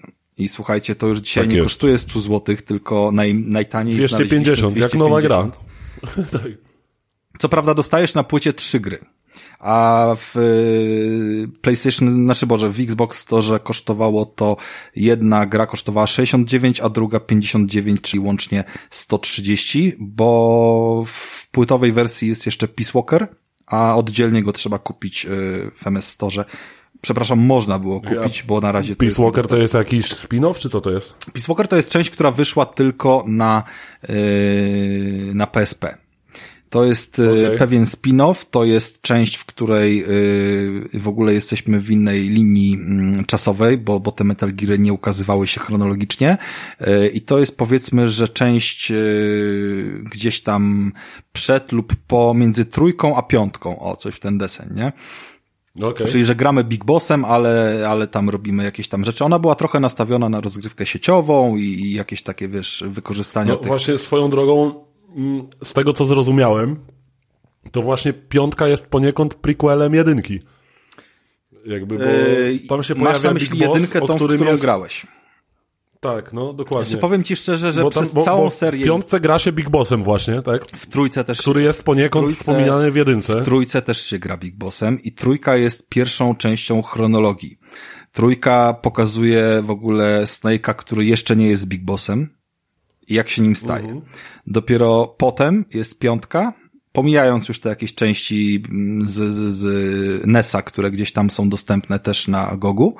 Yy, dopiero potem jest piątka i dopiero po piątce jest yy, jedynka, więc tak naprawdę nawiązania do jedynki znajdziemy w piątce, ale jakby początek historii znajdziemy w trójce i tam już spotkamy na przykład yy, młodego Ocelota, nie? Który, mhm. który jest naszym wrogiem, a w piątce jest naszym przyjacielem, a w jedynce z nim walczymy znowu, tylko tak. że wtedy nie jesteśmy Big Bossem, tylko już kimś innym, tak? Y, więc Snake'em, który jest klonem Big Bossa poniekąd, nie? Więc to wszystko się no, tam więc jakby widzicie, jak ta historia jest zagmatwana. Ale polecam, ale jednocześnie polecam właśnie poznawanie... daje niesamowitą frajdę. Tak, ja polecam mimo wszystko poznawanie tej historii nie w chronologii, jako, jako, ja nie ograłem wszystkich, bo te części z mobilnych edycji mi ominęły, jakby Peace Walker na przykład mhm. jest dla mnie częścią do nadrobienia wciąż, natomiast y, polecam grać tak jak gry wychodziły, tak jak twórczość Kojimy powstawała. Tak, bo wtedy te urywki tej historii możemy po prostu poznawać sobie i właśnie bez googlowania niczego tak obstawiam, że bardzo fajną satysfakcję nam sprawi właśnie, kiedy pewne elementy, te brakujące puzelki nam zaczną wskakiwać na, na swoje miejsca, kiedy będziemy właśnie niechronologicznie poznawać tę grę. To prawda. To prawda, bo, bo, bo jest to gdzieś tam zaplanowane i, i myślę, że taki jest e, sens najlepszy. E, słuchajcie, nie wiem, czy jest z kolei sens dalej jeszcze targać ten temat. To ja tylko tak podsumuję szybko, może mm, jakby najlepszym, że tak powiem, y, wyznacznikiem tego, jaka ta gra była dobra, mm, to, że po jej ukończeniu to zostałem z taką niesamowitą chęcią natychmiastowego odpalenia kolejnej części, bo było mi zwyczajnie mało tych pomysłów, tego klimatu, tej historii i postaci, z którymi się autentycznie zżyłem. I to jest gra, która pomimo pewnych archaizmów, ona się nie zestarzała praktycznie w ogóle. I ćwierć wieku od premiery jest tak samo dobra jak wtedy, a może nawet pod pewnymi względami lepsza, bo jest zupełnie inna niż współczesne gry. I więc jeśli ktoś, tak jak ja, ominął tę generację sprzętu, to MGS to jest jazda absolutnie obowiązkowa dla kogoś lubiącego wymagające, inteligentne i angażujące gry bo to jest totalnie kultowy klasyk, po ukończeniu którego ja się czuję autentycznie bardziej kompletny jako gracz. To jest gra magiczna, niezwykła i naprawdę polecam sprawdzić każdemu, kto jeszcze nie miał okazji. I nie bójcie się tego technologicznego szoku, bo pod warstwą galaretowatego 3D yy, no, kryje się gra epokowa, która jednak, tak jak Rafał powiedział na początku, ona Prawdopodobnie ta gra na zawsze zmieniła branżę i prawdopodobnie dzięki niej znamy gry takie, jakie znamy dzisiaj. I w to po prostu zwyczajnie trzeba zagrać. Po prostu to jest zajebista przygoda i nie żałuję ani minuty poświęconej tej grze. Ja polecam w takim razie mimo wszystko jednak skorzystanie z mm, oferty na Gogu i, i tej wersji pecetowej, chociaż trochę rozmyta rozdzielczość i jakieś tam opcje mhm. ustawień pozwolą się, e, myślę, że lepiej cieszyć z tego tytułu, plus e, bezproblemowe podłączenie wtedy pada, pada. bezprzewodowego. E, gra oczywiście obsługuje wibracje, obsługuje analogi, więc to, to jest, to w ogóle jest świetny temat, bo Kojima zawsze pozostawał w kontakcie ze swoją społecznością społecznością i, i jakby fanami. Potrafił komentować różne rzeczy, bardzo dużo felietonów pisał i tak dalej. Y, niesamowitą opcją było to, że tyle rzeczy on zaplanował w tej grze, które mają zaskoczyć graczy, ale gracze odkryli też rozwiązania, które zaskoczyły Kojimę. I to jest, y, tak. i to jest świetna historia, dlatego że te pamiętne mm, tortury, o których mówiłem, że trzeba naparzać przycisk kółka, który bardzo szybko trzeba klepać po prostu, nie, nie w porównaniu do dzisiejszych... E, tam się naprawdę można się zmęczyć. W porównaniu do dzisiejszych... E, ja generalnie kładłem sobie kontroler na ziemi i w niego waliłem ręką po prostu. Tak, i w porównaniu do dzisiejszych Quick Time Action, gdzie też czasem trzeba jakiś przycisk nacisnąć tam 10 razy, żeby zaklepać jakąś czynność, to jest, e, to jest nic, bo tam naprawdę trzeba się wysilić to słuchajcie, gracze, gracze zrobili ktoś wpadł na pomysł i ten pomysł jakby pomimo braku ery internetu naprawdę dotarł do Kojimy, przeszedł jakby... Stał się wiralowy stał się, jakiś Stał się wiralem i przeszedł do gazet i wiele osób na niego wpadło, że ci, którzy mieli przyjemność grać na... Mieliśmy trzy kontrolery na PSX-ie. Mieliśmy ten, na który grał Mikołaj, mieliśmy na początku analog kontroler i dopiero potem DualShocka. Ci, którzy grali na DualShocku, no uwierzcie, wibracje w momencie tortur, porażania prądem były naprawdę mocne. Kontroler wariował i skakał, prawie że tam tańczył, nie? W naszych rękach. Ale jeżeli się go odkładało na stół i przyciskało przycisk kółka, to on sam siebie po prostu wtedy wciskał. I to jest rzecz, którą po prostu gracze w tym momencie zaskoczyli Kojimy. Jedna z takich pięknych anegdot mm, dotyczących tego tytułu. E, ja chcę tylko jeszcze, ja chcę tylko jeszcze powiedzieć o wersji takiej bonusowej, mm, związanej z Metal Gearem jedynką. E, w zasadzie zarówno jedynka, dwójka, trójka wychodziły takich jeszcze ulepszonych, e, powiedzmy, substance i, i tak dalej. Mm, dostaliśmy coś takiego jak VR Missions, misje wirtualne. Tak, słyszałem o tym. Ja chciałbym w to zagrać. Wydaje mi się, że w twojej wersji powinien być zestaw podstawowych misji 15, które w każdej e, edycji się gdzieś tam pojawiały, ale no gdzieś to musisz poszukać po menu, gdzieś to powinno być. Mm, natomiast wersja Substance zawierała tych misji tam chyba setkę. E, je się wbijało oczywiście na czas, na gwiazdki, na osiągnięcia i zmasterowanie naprawdę dawało niesamowitą satysfakcję. One polegały na tym, że się biegało po e, takim świecie złożonym z kolorowych kwadratów kwadratów y, bez żadnych tekstur, czyli taki wiecie właśnie wzór wirtualnej rzeczywistości, ale wrogowie i, i bohater nasz jakby mechanika były na jakby klasycznym gameplayowym tutaj wrzuconym poziomie. I chodziło o to, żeby wytrenować w nas mnóstwo możliwości. Jakby całe levele związane były z tym, żeby na przykład uczyć się sterowania y, rakietami tymi, które są zdalnie sterowane Nikitą albo, Nikitą, albo tak. Stingerem. Jakby każda ze swoich broni miała swoją kategorię i co najmniej pięć lub dziesięć misji poświęconych jej, tak? Trzeba było no. nauczyć się perfekcyjnego y, używania C4. Nie wiem, czy Mikołaj wiesz, ale C4 możesz przymocować do pleców żołnierza, jeżeli się do niego zakradniesz. O, nie, to o, o, tym nie wiedziałem. Poczekać, aż pójdzie sobie do je... swojego kolegi i wtedy zajebać dwóch jednym Wysadzić strzałem. obu. Dokładnie, no tak, więc jakby to, to jest jeden ze scenariuszy. Dlatego te... Mi się, mi się bardzo spodobały miny, bo na przykład Vulcan Ravena załatwiłem minami w walce w lodówce, nie? Dokładnie. I to jest jakby efekt y, wykorzystywania różnych mechanik na wiele sposobów, który do perfekcji został osiągnięty w Metal Gearze 5, natomiast y, tutaj już, już to było widać. I myślę, że, że jakby jakaś tam moja, załóżmy, fachowość w obsłudze tych broni, którą y, poczułem od razu, gdy z powrotem chwyciłem pada, wynikała właśnie z tego, że ja kilkukrotnie przechodziłem te misje zawsze gdzieś tam na złoto yy, w różnych latach sobie to no, klepiąc. To zostają po prostu pamięć mięśniowa, bo, tak jak powiedziałeś. Bo to zostaje i tam naprawdę one wymagały tego, żeby korzystać z broni na różne sposoby w najlepszy możliwy trening. Jakby yy, samo stworzenie wirtualnych misji, które jest yy, w opór rozbudowanym samouczkiem i powoduje, że jesteś potem mistrzem i przechodzisz tą samą grę yy, dziesięciokrotnie sprawniej niż taki właśnie za pierwszym razem samouczek, jest samo w sobie genialne, Dokładnie. tak? Bo, bo to nie jest samouczek, tylko to jest prawdziwy trening, który oczywiście zawiera mnóstwo kojimizmów i jakby takich no tak, scen. uczysz się przez grę po prostu najbardziej naturalnie jak tylko możesz. Dokładnie, więc... Yy... Ale dobra, trzeba, trzeba pomału zawijać trzeba kończyć. ten temat, Ja po prostu chciałem tylko powiedzieć, że ja nie wiem, która wersja jest na Gogu, bo ja w sumie nie mam jej kupionej, pewnie to gdzieś tam nadrobię, ale... Ja sobie dam radę, yy, znajdę sobie wszystko, co Chodzi mi o to, że jeżeli macie tą opcję, jeżeli ktoś będzie chciał to kupić, jeżeli tam zawiera się ta wersja z tymi treningami dodatkowymi, to naprawdę fajnie jest od nich zacząć i poznać sobie te techniki i żeby, mechanikę żeby tą mechanikę potem wykorzystywać w najlepszy możliwy sposób. A przy okazji będziecie dodatkowej mieli frajdy mnóstwo, nie? W każdym razie po prostu polecam w każdym calu, bo nie spodziewałem się szczerze mówiąc, że 24-letnia gra będzie w stanie mnie tak wchłonąć i tyle razy zaskoczyć. Zajebiste. I kończymy, kończymy na tym. To prawda. Halo Krystian, wysrałeś się już? No ja właśnie tak sobie pomyślałem, że dobrze zaczęliśmy ten odcinek, a później kupa. No nie. Bez ciebie to nie była taka sama recenzja, ale trudno. Jakoś przebolejemy. Eee,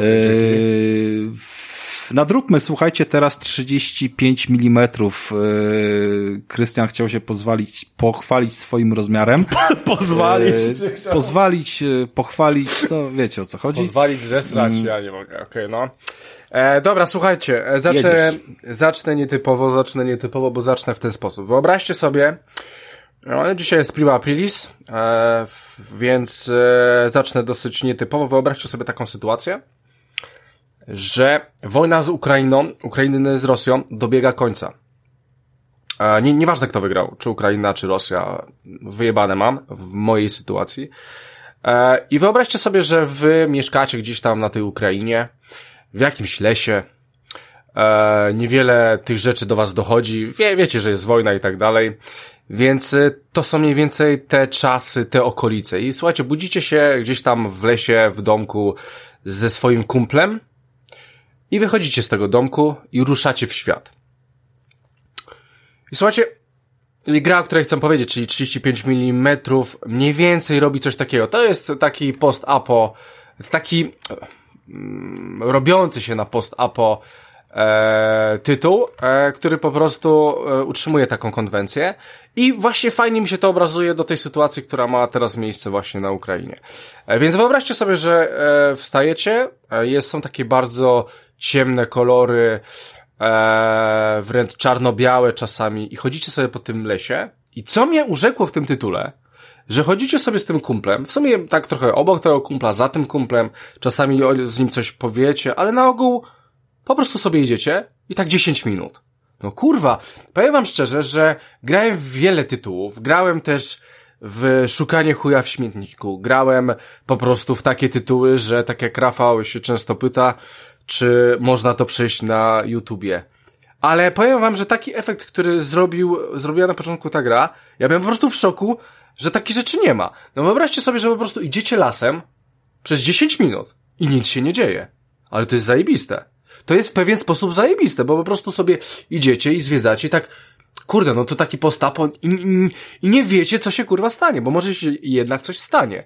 I to jest zajebiste w tym tytule i powiem wam, że tak do połowy ten tytuł, ten tytuł jest w ogóle bardzo krótki. Ja, e, przejście mi tego tytułu zajęło 4 godziny, więc e, jest bardzo krótki. Więc tak, do połowy tego tytułu właśnie tak jest, że wy nie wiecie co się dzieje, akcja jest po, e, akcja jest prowadzona bardzo powoli i, i to jest dla mnie super. I sobie, i, i sobie tak chodzicie przez 50 minut, oczekując w sumie nieoczekiwanego. E, więc e, to jest taki ogromny dla mnie plus, że pięknie jest to wszystko poprowadzone na początku gry. E, co jest bardzo ważne. Więc e, poznajemy dwójkę bohaterów, naszego, naszego głównego bohatera e, i, i kumpla, z którym chodzimy. No I słuchajcie, o co chodzi głównie w tej grze. No, mamy taki właśnie postapokaliptyczny świat, w którym, w którym po prostu to troszeczkę tak wygląda, że próbujecie przeżyć. Wasz główny bohater chce się też dowiedzieć, co się stało z jego siostrą. E, nie, przepraszam, z jego córką. E, więc, więc to jest główny cel tej gry, że będziecie chodzić i wiecie, gdzie macie tam mniej więcej iść i będziecie się mniej więcej w ten sposób kierować i ten wasz kolega będzie waszym towarzyszem w całej tej podróży. E, słuchajcie, gra jest takim, ona nie jest survivalem, ona jest takim, taką w sumie przygodówką, można by powiedzieć, e, która będzie polegała na tym, że będziemy trafiali na przykład do jakiegoś X miejsca i żeby, nie wiem, coś otworzyć, będziecie musieli znaleźć klucz i ten klucz będziecie szukać po całej wiosce. E, czy na przykład, żeby coś e, ruszyć, to też będziecie to szukali. I po prostu będziecie trafiać na pewne, będziecie trafiać na pewne lokacje, które nie będziecie mogli przejść dalej, bo będzie trzeba coś zrobić, żeby po prostu e, coś otworzyć właśnie, czy, czy coś uruchomić, bo tam też są często takie rzeczy. Więc to mniej więcej, e, na tym to mniej, to więcej będzie polegało. Zalatuje trochę dumem wręcz, eksploracją w dumie i znajdowaniem kart dostępu do różnych drzwi i tak A, dalej. A, widzisz, widzisz. E, być może, chociaż gra jest, powstała w 2016 roku, to jeżeli chodzi o Duma z 2018, no to, to nie, to nie. To akurat, to akurat tutaj nie było żadnych inspiracji. Aczkolwiek coś takiego jest. E, trafiacie na ścianę i po prostu musicie bardziej się rozeznać w terenie i coś tam poszukać. E, czasami, na ogół było to spoko, aczkolwiek czasami zdarzał, e, miałem takie wrażenie, że troszeczkę jest to irytujące, tak, bo muszę się bardziej skupić i chodzę po tym, znaczy, szukam jak pojebany. Przypomnij, bo nie wiem, czy wspomniałeś o tym, na jakiej platformie ty to ogrywałeś, bo mi umknęło chyba. na... Ale to nie, on nie musi mówić na jakiej grą platformie. Na Rafała ulubionej platformie, czyli na Xboxie. E, A, okej, okay, logicznie. Series X. Nawet e, ogrywałem to na Xboxie One. E, dobra, no nieważne. E, faktem jest, że mniej więcej o to będzie chodziło w tej grze. I słuchajcie, i powiem wam, że tam się dzieją ciekawe rzeczy, poznajemy różnych ludzi, mamy różne nawet e, e możliwości wyboru dialogu, w ogóle gra ma kilka zakończeń, podobno. E, więc e, fajnie to wszystko się prezentuje, wygląda. E, I słuchajcie, i bardzo, bardzo mi się spodobała ta gra. E, ja miałem w ogóle takie pierwsze wrażenie, że chyba, nie wiem, pierwszego gra tak zagrałem godzinę, i tak kurwa nawet nie wiedziałem, że będę grał aż godzinę. I tak, i tak miałem po prostu ochotę do niej wrócić. Miałem ochotę do niej wrócić, aż po pod koło 70%, dałbym tej grze mocne 8, nawet tak z aspiracją na 9, gdyby nie ostatnie 30% tej gry. Słuchajcie, bo bardzo, ja lubię takie powolne prowadzenie fabuły, mi, mi to nie przeszkadza. E, lubię e, wchodzić w taki świat, oglądać, eksploracja, fajnie, szczególnie w tym klimacie, to, to naprawdę jest fajnie zrobione, pomimo, że gra wygląda jak gówno, fajnie mi się w tym chodziło. E, trzeba też brać e, pod uwagę, że gra e, została, została stworzona przez jedną osobę, przez Sergeja Noskowa, Rosjanina, teraz Rosja jest bardzo popularna, więc trzeba ją też promować, promujemy tego rosyjskiego autora tej gry, więc bio, brałem to pod uwagę, że to jest tytuł zrobiony przez, stworzony przez jedną osobę. E, no, no więc nie przypierdalam się do tej grafiki za bardzo, no, no bo rozumiem sytuację. E, słuchajcie, faktem jest, że po, Pe mogę, mogę się wtrącić, tylko powiedz mi, no jeżeli chodzi o rozdziałeczkę i tego typu jakieś tam rzeczy, bo grafika może być yy, niewymagająca, ale dalej jakby kująca no dobra, no to, Ja no. miałem problem z Firewatchem ostatnio, który nie miał nigdy żadnego update'u, jest w Game Passie i chciałem sobie tego Firewatcha odpalić, bo to w sumie taki właśnie symulator chodzenia, ale z jakąś ciekawą historią. Mnie to ominęło, ale kurwa no. Firewatch mi się odpalał w wersji z y, Xboxa podstawowego w jakiejś mega rozdzielczości, wiesz, nie, nie, nie, nie skalującej się nawet poniżej Full HD chyba i, i nie byłem w stanie tego ścierpieć. A to normalnie wygląda na telewizorze? Znaczy, powiem ci tak, że jeżeli, e, znaczy nie, to, to, jeżeli chodzi o samą rozdzielczość, to raczej jest w porządku. Tam masz opcję, jak to odpalasz. E, ta gra jest w kategorii ulepszone pod Xbox e, One X, nie pod Series X, tylko One okay. X, więc... No, e, enhanced cała jakby. Więc e, wydaje mi się, że ta gra nie ma 4K, ta gra ma Full HD. E, ale, ale było w porządku, było w porządku. E, jeżeli chodzi o samą taką rozdziałkę, to nie miałem z tym problemu, a czasami mam e, taki problem z niektórymi grami, więc, więc o, rozdziałkę się nie przypierdalam. O grafikę też się nie przypierdalam, bo pomimo tego, że wygląda jak gówno, to ma swój klimat. To ma swój klimat, bo trafiamy jeszcze do miejsca, te miejsce bardzo mi e, przypominało Prypeć, jakiegoś Stokera, czy, czy po prostu taki, jakiś Czarnobyl. E, i to ma swój urok. Pomimo tej chujowej grafiki, to ma swój urok. Ja, ja się do tego nie przypierdalałem, szczególnie, że tam fa fajnie e, autor grał właśnie takimi rzeczami, jak wchodziło się do tego lasu. Po prostu było gęsto. Było w chuj drzew. Jakaś chujowa ścieżka, kamera szła w, w różne kierunki, ty po prostu sobie idziesz, jest czarno-biało, więc robi się taki klimat ciężki, ponury, nieprzyjemny, taki, taki widać, że jest postapo i widać, że jest ciężko i, i, trzeba się cieszyć z każdego dnia. Nie więcej. I, i, I ta gra to wprowadza i robi to dobrze. Naprawdę e, robi to dobrze, szczególnie szczególnie, że później poznajemy e, przeciwników, e, przeciwników i, i masz właśnie tych przeciwników, to tak sobie pomyślałem, że pewnie pozostałości Rosjan po wojnie w jakichś jeszcze małych kompaniach, którzy są chujami w tej grze, tak sobie to wyobrażałem, e, bo tu, tu koncepcja jest dowolna, tam nie ma tego mocno wytłumaczonego, szczególnie, że nasz, e, nasza postać w ogóle mówi bardzo mało. Tam w ogóle jest, e, mało jest takie stricte fabuły. Wiemy o co chodzi w tej grze, ale ogólnie opowiadanie o tym całym świecie, który tam jest, te, tego dużo nie ma, więc może można sobie dopierdolić swoją historię, którą ja sobie dojebałem, e, patrząc na, e, na czasy, które mamy. E, więc e, trafiamy powiedzmy na, na naszych Rosjanów i po prostu oni już haraczowi pierdalać i strzelają do was i w ogóle dzieją się nieprzyjemne rzeczy. I właśnie w tym momencie pojawia się system, który jest kompletnie niepotrzebny w tej grze, mianowicie strzelanie z broni. Eee, powie, gra jest w ogóle z pierwszej osoby, więc jest takim shooterem trochę FPS, FPP, FPP w sumie. Eee, I słuchajcie, pod koniec tych 30% dostajemy broń do ręki. Pomijam, że ta broń nie ma celownika. Nie ma to, nie, nie ma to w sumie, nie, ma, przepraszam, ma celownik, ma celownik, ma celownik, okej, okay, przepraszam, ma celownik, je, jest w ogóle kompletnie z dupy. To tak, odgłos strzelania jest, jest dramatyczny. Eee, słuchajcie, wy strzelacie, wy nie wiecie tak, czy trafiliście, E, jakikolwiek odrzut tej broni. E, nie wiecie, czy, czy, czy, czy po prostu, e, no właśnie, czy ktoś dostał, czy on padnie, czy na przykład ten padnie po dwóch kulkach, czy, znaczy, wygląda to tak, że ten pada na przykład po dwóch kulkach, a ten po czterech i w ogóle nie wiecie o co chodzi.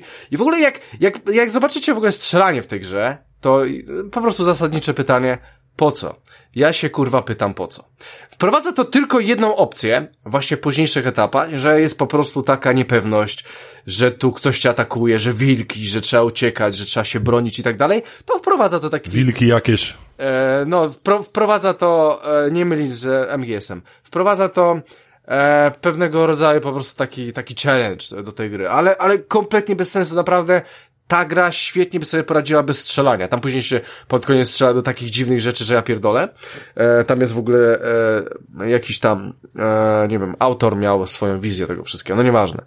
E, faktem jest, że bardzo było to złe. Bardzo było to złe i to na tym poziomie było to złe, że e, mam jeszcze jeden zarzut do tej gry, też z tym związany, mianowicie wasz tak, można powiedzieć tak, ekwipunek. E, bo słuchajcie, macie swoją, e, otwieracie taką książkę i w niej macie na przykład pod jedynką aparat, pod dwójką nóż, pod trójką jakąś, jakąś, jakiś toporek, pod czwórką macie pistolet, e, macie informację, że posiadacie latarkę i mamy, co możemy użyć. Można użyć elektryczność do waszej latarki, czyli baterię, którą zbieramy. Możecie najeść się i możecie się uleczyć. I teraz tak nie jadłem, nie leczyłem się. I słuchajcie, i w tych 70% gry, przy, przez całą grę, i w tych 70% gry, jak już powiedzmy mamy te 3 godziny już na karku, walczę po raz pierwszy z wilkami i co chwilę ginę. I ja się zastanawiam, kurwa, jakie to jest ciężkie. I tak podchodzę 3, 4, 5, 6 razy, no kurwa, no coś jest nie tak. Jakąś taktykę próbuję obrać, no kurwa, podchodzą do mnie dwa razy i mnie zjadają, no kurwa, no coś jest nie tak. Słuchajcie, ta gra nie ma żadnego huba. E, więc wy nie macie tam żadnego pasku życia, nic wam się nie świeci, w ogóle nie, nie ma żadnych takich rzeczy. Oglądam sobie filmik na YouTubie, jak koleżka to przeszedł. Ty, no kurwa, no te wilki go nie zjadają od razu tak jak mnie, no co jest? I zauważyłem, że trzeba jeść. Co, co jakiś czas. I tą apteczkę też można użyć, jak się coś dzieje ja o tym nie wiedziałem. Przez 70% gry ja o tym kurwa nie wiedziałem. Ja po prostu to zbierałem, ale zastanawiałem Czy, się. Czyli gra ma trochę problem, no, po pierwsze, no ma, ma. Z, na, z, nagłym skokiem poziomu trudności, a po drugie, że nie do końca wyjaśnia znaczy, ci pewne mechaniki, tak? tak? Ona ma znaczy, problem, że nie masz kodeka do, do znajomych. E, jeżeli chodzi, no właśnie, jeżeli chodzi tak. o, o, poziom trudności, to nie, bo te, te walki suma summarum, one były proste. Ale ja byłem na pikselu życia, ja o tym nie wiedziałem. I ona mi nie, nie informowała przez całą grę, ile ja mam życia. Że ja się świecę, że coś. I po prostu zacząłem jeść, i po prostu byłem kurwa Rambo wtedy. I e, gra po prostu wam nie pokazuje, że jaki macie pasek życia. I nie jesteście w stanie stwierdzić, że, że jesteście na hita. Ja w ogóle myślałem, że w tej grze to jestem na hita. A oto okazuje się, że nie, kurwa, że ja muszę zje. Ja muszę co jakiś czas jeść. Ja nie, nie wiedziałem o tym. Więc e, bardzo źle to zostało przedstawione. E, powinni, powinien być jakiś komunikat, że nie wiem, jedz co jakiś czas albo coś na początku gry. No nie było i, i byłem w dupie i, i, bardzo mi się to nie podobało, no bo kurwa, no jestem doświadczonym graczem, ale, ale na coś takiego nie wpadłem. Zastanawiałem się na chuj to jest, e, ale nikt mi, nikt mi nie dawał do zrozumienia, że ja mam w ogóle cokolwiek jeść, czy w jakikolwiek sposób się leczyć, bo, bo no kurwa, no od razu ginę, więc z czego będę się leczył, tak? No ale nie, no jak byłem na pasku życia, no to wypadałoby się uleczyć. No nieważne, no, ale to było chujowe i właśnie to w połączeniu z tym strzelaniem mia, strasznie mnie wkurwiało i ten element kompletnie mógłby wyjść z tej gry i słuchajcie, ja bym utrzymał ósemkę, dziewiątkę. Utrzymałbym tej, w tej grze. A tak to myślę, że ta ocena będzie taka siódemkowa z naciskiem na tym, na, na, na to, że gdyby nie ostatnie 30% gry, e, to by było wyżej. E, to jedyna, gra, jedyna gra, którą jakby przypomina mi to, co teraz mówisz, jakby z taką nagłą zmianą formy rozgrywki i, i nie do końca uzasadnioną, kompletnie się odwracającą nagle, jest y, konkret Gini które też no, 90 czy tam 8, 70% gry będzie sprowadzało się do, wiesz, malowania tych obrazków na ścianach, y, rozwiązywania łamigłówek i, i tam zagadek, wiesz, y, terytorialno jakichś logicznych, a, a potem nagle, kurwa, walka na koniec, po co, nie? Mhm.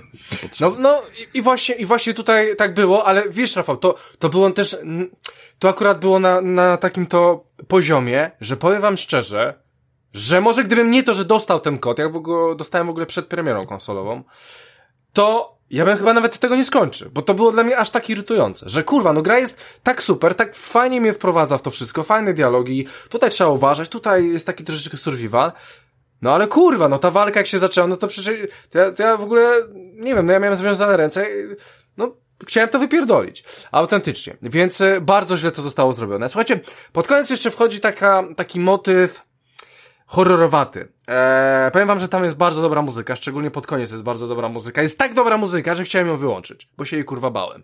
Bo bałem się w pewnych momentów, bo było ciemno. Tu coś, e, e, tu jakieś, e, bo, chodzi o to, że byłem w takim opuszczonym metro. Akurat super klimat e, rosyjsko-ukraiński, e, świetnie.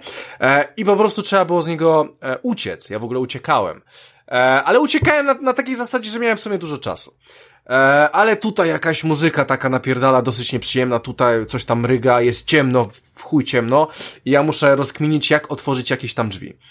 E, I powiem wam, że że no to było nieprzyjemne. Pomimo tego, że ja wiem, że nikt mnie nie gonił, to było mm, bardzo nieprzyjemne, ale bardzo mi się to podobało. Wbrew pozorom. Ja bardzo lubię takie motywy e, i to jest in plus. Muzyka jest in plus, zagadki środowiskowe w większości są e, łatwe, Aczkolwiek są takie dwie, trzy bardzo fajne i bardzo przyjemne. Trzeba troszeczkę e, ruszyć, ruszyć główką. E, są mocne uproszczenia graficzne w wielu miejscach, jak wchodzi się do różnych pomieszczeń czy coś, to e, bardzo, sporo pomieszczeń wygląda bardzo fajnie, ale są strasznie uproszczone. W sensie, że ta grafika, no to jest PS3. Ja myślę, że PS3 w, w niektórych miejscach to spoko, nie? E, więc w sumie chyba tyle. Eee, końcówka jest dosyć fajna, tam, bo tam później już troszeczkę, w ogóle pod sam koniec gry już tego strzelania nie ma. W sensie, że on jest tak w ostatnich 30%, powiedzmy w tych 25 jest i tam później już jest praktycznie e, dwie, jedna, dwie, za, dwie zagadki. Eee, co chcę powiedzieć? Że ma to parę zakończeń, że jest to fajnie poprowadzone, brudny świat, taki właśnie, mówię, wojna się kończy i tutaj ludzie kombinują, jak jeszcze przeżyć. Eee, wam was spotkają bardzo nieprzyjemne rzeczy, po prostu, żeby żeby po prostu ktoś inny mógł przeżyć, możecie zostać okradzeni, jakieś takie rzeczy, no, takie jak po prostu po, post-apo się dzieją i to jest i to jest przedstawione brudno, tak brutalnie, niefajnie. E, więc e, słuchajcie, e, czy ja to polecam? E, e, ja wiem, że chyba ta gra kosztowała mniej niż 10 dolarów. E, ja nie wiem, ile to kosztowało. Brzmi jakby było warto. ale właśnie myślę, myślę, że za te 4 godzinki, te pierwsze dwie godziny, jeżeli lubicie też takie gry, takie gry, w których się... A, czyli to jest bardzo krótka gra generalnie. 4 godziny, więc e, mówię, okay. cena, jakość. 36 zł do kina na dwugodzinny film, czy dwu i pół. No, jeżeli zamienimy to na grę, to myślę, że spoko. Można, no, można, szczególnie, że e, może wam to zajmie dłużej, może będziecie chcieli jeszcze raz przejść. Ja, ja powiem wam, że ja chciałem zalokować ten tytuł, ale po prostu już ta końcówka Eee, może inaczej, gdyby, gdyby po prostu, gdybym po prostu wiedział, jak to wszystko obsługiwać, to może też inaczej troszeczkę bym do tego pobiegł, ale po prostu byłem wkurwiony i samo strzelanie jest chujowe. No jakbym miał wymyślić sobie, e, powiem wam tak, jak mi ktoś teraz zada pytanie, w jakiej grze było najchujowsze strzelanie? 35 mm i chyba, i chyba taka metka zostanie mi dla tej gry, pomimo tego, że gra jest całkiem solidna i całkiem niezła. E, dobra, no ja myślę, że chyba tutaj nie mam co przedłużać. Myślę, że tu tych 10 dolarów, 35-40 zł można. 50 wyżej nie można. Eee, I tyle, no myślę, że 4 godzinki gry, no warto, warto, jeżeli ktoś lubi takie proste opowiadanie historii, jakimś tam i po prostu taki klimat, taki mocno nieprzyjemny metro rosyjsko-ukraiński klimat. I tyle. Eee, oddaję głos do studia w Krakowie. Bardzo mi miło, bardzo dziękuję. Wykorzystałem czas na twoją recenzję. Halo, halo Mietku. Rano dziśku. Czy mnie słychać, moi drodzy? No niestety tak. Dobrze. Wykorzystałem czas y, twojej recenzji na kupno Metal Gear z Goga i zainstalowanie go, tak. O No, serio, słuchajcie, jest promocja jakby co z 36 na 27 zł, czyli, więc czyli, czyli jest to coś. Wyobraźcie sobie, że ta recenzja, którą w sumie Mikołaj ograł dopiero grę i opowiada nam o tej grze, spowodowała to, że to nie ja wy, prostu... że to nie wy kupicie te gry, tylko my kupimy jeszcze te gry. No, tak, no, to jest siła moich recenzji. To jest, to jest że po prostu recenzja Mikołaj. Chciałem, że chciałem, żeby Re recenzja jeszcze nie wystygła dobrze, a Rafał już kupił MGS-a po prostu. Że, że, Bardzo że, chciałem. Że ona, ona się jeszcze dobrze nie upiekła. No, tak, okay. tak, tak, tak. No dobra, słuchajcie, no to jeszcze jeden temat nam został tak naprawdę do omówienia na dzisiaj. Yy, zobaczymy, jak długo nam się na niego zejdzie. Ja jeszcze, jeszcze mam tą swoją grę, ale faktycznie weźmy ten temat. Weźmy, weźmy ten, ten, temat. temat. Yy, weźmy ten temat, bo myślę, że zdanie każdego, no. każdego z naszej trójki będzie przedstawiało trochę inny punkt widzenia i tak naprawdę to powinno być w tym wszystkim najciekawsze, bo nie chciałbym się tutaj jakoś, wiecie, zagryzać yy, w wojenki konsolowe i nie chciałbym, żeby to, to był taki... Jak to nie? Nie, nie, nie chcę, ale, że... ale ja chcę, ale ja chcę, kurwa, co? No to, to gdzie jest ten przycisk? Zajebać ci w pierdol? Gdzie jest ten przycisk? Pogadajmy sobie o nowym, e, zapowiedzianym PlayStation Plusie, a tak naprawdę jego rozwinięciu, tudzież połączeniu z PlayStation Now, tudzież odpowiedzi na Game Passa. Tak naprawdę wszystkie z tych trzech stwierdzeń są w jakiś e, sposób prawdziwe. I ja sobie... Mniej lub bardziej. Mniej lub bardziej. Oczywiście ja sobie tutaj pozwolę na, na jakiś wstęp. E, faktem jest, że zostało wykorzystane trochę to, co mm, proponuje Xbox jakby w kontekście bazy gier dostępnych w ramach opłacanego regularnie abonamentu, z których możemy korzystać dowoli i jakby jest ta baza tak duża, że nie jesteśmy w stanie jej obrobić i się obstramy, tak? To jest jakby założenie. Drugie założenie jest bardziej ciągnące temat z EA Play, które zresztą też się zawiera w Game Passie, tylko jakby sprowadza się do samych gier od EA, mm, że będą się pojawiały jakieś wersje demonstracyjne, prawdopodobnie limitowane. Czy tam triale? Triale, prawdopodobnie limitowane czasem.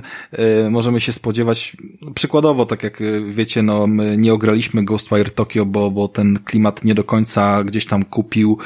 Y, poza tym było dużo ostatnich innych premier i czy to poczekanie rok na Game Passa, czy chwycenie tego na jakieś promocji w międzyczasie po prostu się okaże dla nas lepszym wyborem.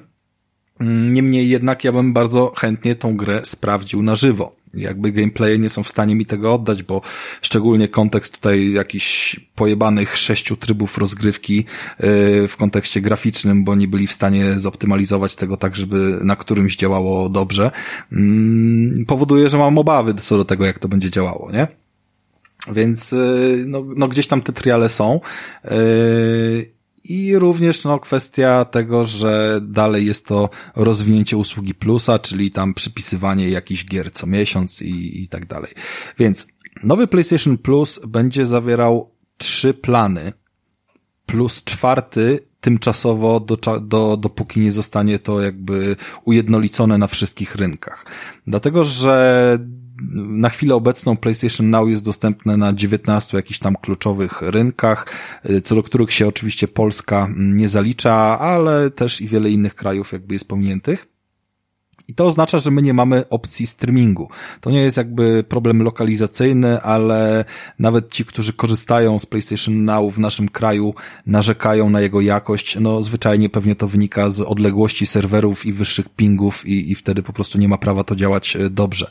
A mm, ten streaming, chociaż jest y, możliwy dla wielu różnych gier, to niestety jest wymagane, żeby korzystać z gier na PS3, bo ta generacja była spierdolona pod kątem jakiejś... E, e Miała zupełnie inną architekturę Architektura, procesor i w ogóle... Portowanie tych gier jest prawie niemożliwe. Na Dokładnie, no sam, sami się jakby w tym zajebali, nie, nie byli... Z jednej strony wprowadzając PS3 myśleli o wstecznej kompatybilności co do jedynki i dwójki, z której zresztą się potem wycofali, potem zrobili tak, że PS3 się w ogóle nie da emulować. Znaczy mówi się, że się da, tylko tylko, że wszyscy zapominają, że te abonamenty mają służyć obydwu generacjom, jeszcze żywym, PS4 i PS5, więc fakt, że emulator pociągnęłaby PS5 nie powoduje, że to powinno być wprowadzone już dzisiaj, bo jednak wciąż mamy od chuja PS4 bazowych, które są dziesięciokrotnie słabsze. No i jakby tyle w temacie. Mm, trzy abonamenty w postaci takiej, że pierwszy jest bez zmian, Jedyną zmianą, którą możemy rozpatrywać jest to, że e, wedle komunikatu oficjalnego dwie gry co miesiąc będą trafiały do graczy na ich jakby e, stały użytek. E, do tej pory obecnie to są zwykle trzy gry, w sensie dwie plus jedna na PS5. Zobaczymy, jak to będzie wyglądało w praktyce, bo być może ten komunikat tak został napisany enigmatycznie, że dalej będą to dwie gry na PS4, a dalej ta PS5 będzie bonusem i nikt jakby nic nie stoi na przeszkodzie, żeby tak było, a po prostu komunikat mógł być nietrafny, bo i tak zawierał dużo informacji, więc... Nie no... E, e, znaczy to... Po, Rafał, a, a, może, a może w ogóle wszystko będzie za darmo, bo nie. komunikat był niepoprawny i w ogóle wszystkie te pakiety Czyż... będą za darmo. No Rafał, Krystian. no dwie gry, no to dwie gry. No, ja, ja słyszałem o dwóch grach, ty też czytaliśmy. Słyszałem o dwóch grach i tylko, że w tym komunikacie nie słyszałem o rozbijaniu jakby wersji na PS4 i PS5. Ja mówię tylko swoje zdanie, że uważam, e, że dalej jest możliwe możliwe, że jakieś wersje na PS5 będziemy dostawać, ale zgadzam się z no. tobą i to była jedna z pierwszych jakby uwag, że tak jak tak jak Gold, który został mocno ubity i ograniczony ze swoich atrakcyjności od wprowadzenia Game Passa, yy, żeby po prostu nie kusić i żeby nie być jakoś jako alternatywą, tylko dalekim, ubogim kuzynem z Azerbejdżanu. Yy, tak samo taki sam los spotka plusa, tak? I będzie mm, wprowadzanie fajnych kusicieli do dużego abonamentu po to, żeby ten mały był mniej atrakcyjny, a tu będziemy dostawali jakieś pewnie gówna i tyle. No, myślę, że taki... Tak, tylko wiesz co, tak Rafał, będzie. jakby tak, różnica, różnica polega na tym, że mm, Game Pass owszem też ma dużo jakichś tam małych szrotów, ale główna różnica polega na tym, że ale on mówi już jakby o, pomijając... O mówi. Tak, ale w sensie jakby, jakby ciągle to tutaj mówimy w kontekście jakiegoś tam konkurowania z Goldem i Game Passem na Xboxie. Na razie I w momencie, kiedy, kiedy masz Game Passa, mm, tam jakby już pomijając kwestię premier gier first party. Mikołaj, ale na razie jesteśmy na, na, na etapie pierwszym, który mówi o plusie bazowym, który konkuruje tak. tylko z Goldem. Jeszcze zanim tak. Aha, dobra, dobra, to, to, jeszcze... Mieliśmy dyskusję zanim Jeszcze się wpierdolisz, spokojnie. My nie wiemy ile jest, y, wiesz, abonentów Golda, bo jakby pewnym minusem jest to, że dzisiaj y, wszyscy tak naprawdę rozpatrują w kontekście Xboxa tylko Game Passa i to tylko w wersji Ultimate. Jakby Ultimate, sam y, zaorałeś się poniekąd przy naszej rozmowie, y, kompletnie wy, wybijając sobie z głowy informację, że Xbox też ma cztery abonamenty. Ma Game Passa na konsolę, Game Passa Ultimate'a, Game Passa na y, PC-ty i Golda. I jeżeli kupisz... Znaczy jakby powiedzmy Game Passa na PC ty nie liczę. No, no dobra, to okej. Okay, to... Mówię tu w kontekście konsol yy, tylko, Chodzi tak? o to, że jak masz PC to nie musisz płacić Golda, a jak masz konsolowego to musisz płacić Golda, żeby grać online i do tego dokupić Game Passa i te dwie usługi wychodzą de facto drożej niż yy, czysty Game Pass, więc kupujesz Ultimate. Ale kiedy masz Ultimate, to no to wtedy masz wrzucone. i na PC i na, i na konsoli i na wszystkim. Zgadza tak? się. Mi chodzi tylko o kwestię braku opcji tej środkowej, że kupujesz samego Game Passa bez Ultimate'a, bo w mhm. drugiej wersji abonamentu, no bo pierwszy jest bez zmian plusowy, więc nie będę więcej na jego jakby tam rozważania poświęcał, cena się nie zmienia. E, no. W drugiej wersji mamy taką niby pośrednią funkcję, która nie umożliwia odpalania tych gier z PS1, 2 i 3, tylko dostajemy czystą bibliotekę, powiedzmy, że ala Game Passową. Ona będzie pewnie się opierała w większości na tym, co PS Now oferuje dzisiaj, yy, ale na pewno zostanie też rozbudowana o jakieś tam nowe tytuły. Pytanie, jakiej jakości, bo na razie poznaliśmy tylko yy, kilka z nich w postaci Returnala, Moralesa, jednego, drugiego Spidermana, więc... Mortal Kombat tam no, się Mortal Kombat się pojawiał, parę tytułów się pojawiło z tym kilka z PlayStation Studiów. Yy, nie znamy pełnej oferty, były tam jakieś enigmatyczne informacje, że od każdego dużego twórcy tak naprawdę coś mają, więc nie ma na, nawet czego ocenić i, i, nie ma sensu się, wiesz, w tym momencie przekrzykiwać, yy, która biblioteka jest lepsza, bo podejrzewam, że co miesiąc będą takie porównania yy, się pojawiały na każdym z tych portali i co miesiąc ta biblioteka się będzie zmieniała. Natomiast jeszcze, istotne, jeszcze... istotne jest to, tylko to chcę powiedzieć, że w tym momencie, jeżeli kogoś nie interesują stare gry i jakby ma wylane na bibliotekę XA 360 i jedynki, tak jak ja, i również mam wylane na PlayStation 1 i 2 i 3, pomijając może Metal Geara, mm, to tak naprawdę ten środkowy abonament wydaje się być najbardziej korzystny i on będzie wychodził siłą rzeczy trochę taniej a będzie jednocześnie zawierał opcję gry online, bo to jest jakby w wersji bazowej narastająco. To, to, to jest tylko moja uwaga, bo ten środkowy abonament ma kosztować 100 dolarów. E, w przeliczeniu, gdybyśmy stosowali kantorowe, jakby naszą chujową złotówkę, to oczywiście wychodzi trochę drożej, ale jeżeli się odniesiemy do dzisiejszej ceny plusa bazowego i po prostu ją sobie przemnożymy, to będzie 400 złotych za rok, nie licząc promocji. Być może jakieś 300 wyjdzie z promocją, czy coś w tym stylu. I to zawiera zarówno online, który dzisiaj też kosztuje 200, 240 za rok, jak i bazę tych gier. I te 400 to nie jest drogo, jakby za dostęp do tego. W kontekście, gdy za Game Passa bez y, promocji 4 złotowych, bo ktoś nie chce zakładać nowych kont, trzeba płacić tą miesięczną subskrypcję. I dla mnie bardzo dużą y, częścią na jakby to, co bym chciał poświęcić y, w tej dyskusji, nie jest fakt, jakie gry będą zawierane, bo, bo, bo tego nie wiemy, oraz czy będą, czy nie będą first day'e jakieś tam premierowe, bo wiemy, że nie będą, a wiemy, że są na Game Passie. Znaczy wiesz, czy będą, czy nie będą, to akurat jeszcze de facto Sony może teraz macać sobie rynek dopiero, i wiesz, jakby w Game Passie, słuchaj, w Game Passie też, w Game Passie na początku też nie było Zgadza premier się. Microsoftu. Zgadza się, jakby założenie było inne. Nie, nie było i niewykluczone. Moim zdaniem, jeżeli Sony myśli o tym yy, i mówi o tym głośno. Żeby realnie konkurować z Game Passem. No. Czy wiesz co, bardziej chciałem powiedzieć o grach usługach. Chciałem powiedzieć o grach usługach typu Rainbow Six, yy, to Extraction albo jakieś inne, które zostaną w ten sposób przygotowane, które na wielomiesięczną rozgrywkę online są na nastawione, jakieś mikrotransakcje, jakieś sezony i tego typu rzeczy, to jestem przekonany, że tego typu gry będą trafiały tam yy, z czasem day one, albo nie wiem, po, po naprawdę krótkim czasie jakimś od premiery, yy, bo one i tak na siebie będą zarabiały gdzieś tam w inny sposób, nie? I de facto yy, poniekąd Forza i Halo też jest takim tytułem, który oprócz kampanii i jakiegoś tam pogrania niesie za sobą yy, mnóstwo treści w późniejszym czasie. Nawet Krystian nie musząc płacić, e, wiesz, za, za premierę, a ja nie musząc płacić za premierę Forzy i ty też, wydaliśmy pieniądze na dodatkowe rzeczy, które dostaliśmy w gratisie, więc wydaje mi się, że... możliwość wcześniejszego zagrania jeszcze. Możliwość wcześniejszego o parę dni zagrania, więc wydaje mi się, że jeżeli będzie rozwój jakby w tym kierunku gier, poza takimi typowymi, e, wiesz, historyjkami AAA jak Horizon, na którym nie ma już więcej e, potem jak zarobić kasy poza sprzedażą tej gry na premierę, to możemy liczyć na te premiery premiery i, i jakby tutaj będzie jakaś konkurencja. Ale co do zasady, chodzi mi o model płatności. Jakby Sony od... Dobra, poczekaj, poczekaj, Rafa, bo ja chcę jeszcze skupić się na grach i chcę coś w końcu powiedzieć. Dobrze, mów. E, bo na razie nie mówicie ważnych rzeczy. Słuchajcie, przede wszystkim mamy 400 gier, tak? No tak zostało e, e, Tak. Ja w ogóle mam nadzieję, mam znaczy nadzieję... 400 z generacji 4 i 5. Bo no oddzielnie w, jeszcze... W ogóle, w ogóle samo to, że jest 400 gier z generacji 4 i 5, to jest dużo gier. To jest naprawdę dużo gier. To jest naprawdę olbrzymi materiał do grania, no kurwa. Nawet jak ma, będą wszystkie Unchartedy, to już cztery czy tam cztery części, czy Ratchety też trzy, cztery części, czy nawet Little Big Planet cztery części, to i tak to jest kurwa 400 gier, to jest od chuja gier. I e, będzie od tak chuja sekund... indyków, no tutaj nie, nie oszukujmy e, się, okay, wiemy okay, o tym wszyscy. Spoko, ale, ale że... ja akurat gram teraz w indyka i bawię się super.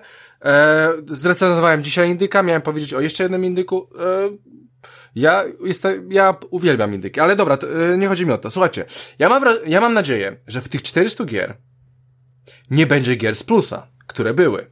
Bo nie dostajemy gier, na przykład na Game Passie, z Golda. To jest w ogóle co innego. Na 100% e, a obawiam będą, się, nie, nie, ale na 100, no właśnie, dwukrotnie, żeby ich Rafał, stop, ale żeby Christian, ich Rafał nie było cię, 70 gier z plusa, no kurwa. No. Dwukrotnie no. cię poprawię.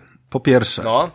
Ja sobie dodaję gry z Golda do biblioteki, pomimo, że mało którą ja nie, gram. Ja już w ogóle wyjebałem. Ja rozumiem, ale ja to robię no. w miarę regularnie. Nie każdy miesiąc pamiętam, ale robię.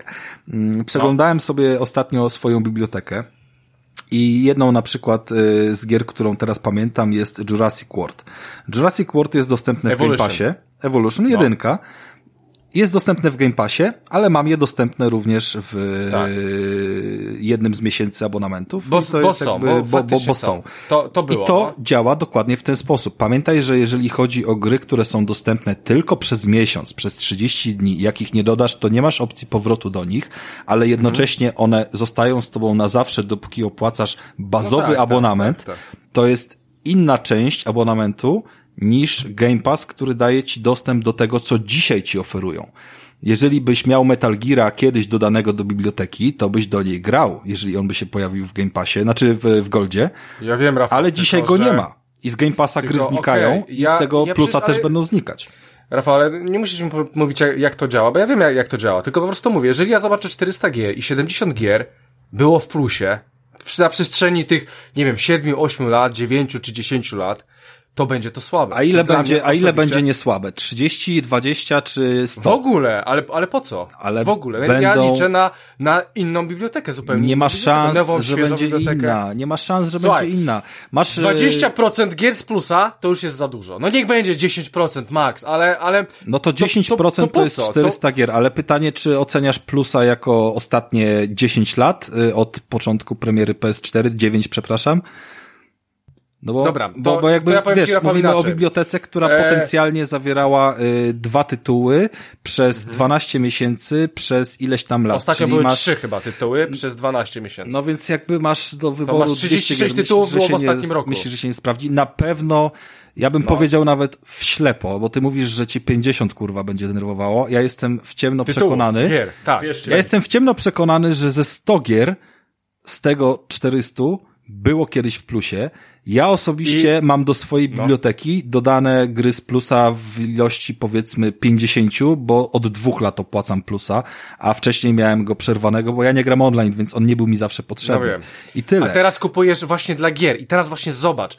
Ja już widzę te hejty, jak taki Rafał. Nawet ja, Rafał, kupiłem ostatnio parę miesięcy temu plusa dla tego, dla tych tam paru gier ogólnie wyszedłem na tym chujowo, ale no nieważne.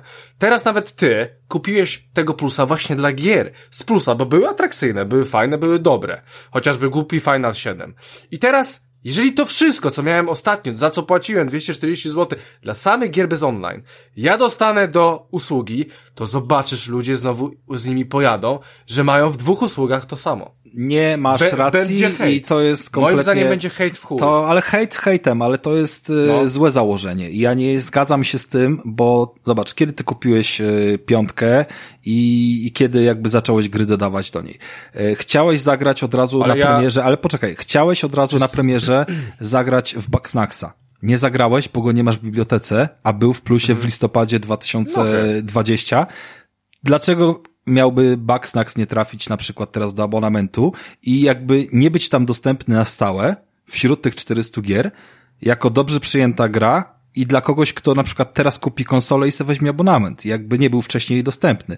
Dlaczego te gry, eee, no to jest dlaczego te gry mają nie być dostępne? Bo były wcześniej. To, to że ona była w plusie to kiedyś, to, to nie znaczy, że tak wszyscy samo, ją sobie dodali to ma być po tak prostu. samo nie? atrakcyjne dla kogoś, kto na przykład zrezygnuje z Xboxa i zamiast kupować Series X kupi PlayStation 5, bo ma opcję takiej usługi. Jakby nie zakładajmy eee, tylko scenariuszy Rafał, dobra, naszych, teraz, że mamy dwa. Teraz to nie? teraz e, są dwie rzeczy. Pierwsza rzecz, Rafał, ja opłacałem plusa do momentu, aż nie odkryłem Game Passa. Ja miałem plusa, ja miałem chyba 5 lat pod rząd czy 6, ja dodawałem te gry jak pojebane, pomimo tego, że w to nie grałem w większości, bo były, bo, znaczy, bo było średnio, bo miałem inne tytuły, no nieważne, e, więc ja to opłacałem, więc troszeczkę by to dla mnie było nie fair. I druga rzecz, słuchaj, ja już, będziemy re, e, podsumować tą usługę, ale ja już, ja już mówię to na wstępie.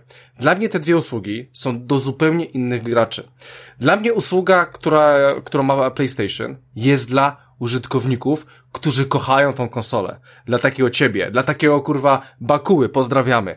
Bo on, na przykład, jest, to, to jest super opcja, on, nawet gdyby ten Game Pass miał najlepsze gry na świecie, to on w to nie wejdzie. Bo on jest fanem PlayStation. I taki fan PlayStation, będąc fanem PlayStation, kupuje tego plusa co miesiąc, jest wielkim fanem PlayStation, a później kupuje tą usługę i ma te same gry. Eee, Ale to jest więc... kompletnie jakby założenie, które się nie opiera na niczym. Ja uwielbiam grać na playce, ale ja z ostatnich sześciu lat, siedmiu, przepraszam, od 2015, ja miałem plusa tylko przez trzy lata, z czego jeden rok wygrałem i jakby nie płaciłem go świadomie, nie był mi potrzebny do niczego. Gry mnie nie jarały, nie były interesujące, nawet nie wykupowałem sobie, chyba tylko raz wykupiłem abonament na miesiąc, żeby dodać coś do biblioteki. Ja nie mam tej biblioteki, ja korzystam z biblioteki Patrycji, która opłacała przez e, trzy lata i ma tych gier trochę dodanych e, historycznie i na przykład dlatego GTA ostatnio kupiłem na swoim koncie, bo jest na niej, wiesz, e, dorzucony, kiedy był gdzieś tam, wiesz, w plusie. Kompletnie nie jest to dla mnie tożsame to, co mówisz teraz. I nie zgadzam się z tym. To jest po prostu kwestia no. opcji, żeby ktoś okay. miał dostęp do gier, kiedy nie ma na przykład y, obecnie, wiesz, żadnych premier, albo chce coś sprawdzić, albo coś tam, albo coś tam. Po prostu żeby te gry były, żeby zawsze można było w coś zagrać, nawet kiedy obecnie nie masz, yy, nie wiem, kasy. Wyjebiesz 400 Aczkolwiek ja też chciałem jeszcze w sumie zaznaczyć tylko, ja chciałem tylko zaznaczyć, że według mnie mocno średnim pomysłem jest y, dodawanie wstecznej kompatybilności ze starszych generacji, tylko w najwyższej opcji abonamentowej, bo okej, okay, to może, może ciebie to nie interesować, ale konkurencja ma jakby tę wsteczną kompatybilność ogarniętą bardzo dobrze. Ma, I, I, ja, I, ja, nie rozumiem, I ja nie rozumiem, dlaczego mając wstecz, takiego rozdzielania wstecznej kompatybilności na dwie różne. Jakby ja rozumiem, ok, że z trójką są problemy, bo to jest kwestia jakieś tam architektoniczne po prostu. Czy szczerze, ja ci, ja ci, ale jeśli chodzi, ja ci jeśli chodzi, słuchaj, o, jeśli chodzi o jedynkę i dwójkę, ale posłuchaj mnie, jeśli chodzi o, je, o jedynkę i dwójkę, mm, to jakby nie bardzo rozumiem, z jakiej paki ja mam za tak stare gry, mając ochotę odświeżyć sobie jakiegoś starocia, muszę płacić najwyższą opcję abonamentową, żeby odświeżyć sobie dwudziestoletnie gry. Jakby to jest dla mnie skandaliczne, że oni te opcje akurat zawarli w najwyższej opcji ab abonamentowej, bo ona powinna być w tym Essentials. No dobra, stary, no. tylko... No, to są zbyt stare gry, żeby, żeby płacić za nie najwyższy abonament. No, Okej, okay, jakby rozumiem, rozumiem kwestię tego podejścia i jeżeli spojrzymy na Xboxa, on ma prostszą sytuację, bo on ma strukturę taką, że te gry się odpalają i co więcej, odpalają się jeszcze z jakimiś ulepszeniami. Bardzo mocno trzymam kciuki, żeby też choćby jakieś emulacyjne tak. yy, ulepszacze, typu właśnie, tak jak rozmawialiśmy o Metal Gearze, żeby coś mogło się pojawić przy odpalaniu tych gier, typu symulacja tak, albo, ekranu CRT. Albo jak Xboxowy albo, FPS Boost. Albo w ogóle FPS chociażby. Boost czy Auto HDR. To by było super, ale to są tylko marzenia. Natomiast Natomiast y, przede wszystkim zaznaczmy, że Playka nie ma odpalania gier y, we wstecznej kompatybilności z płyt.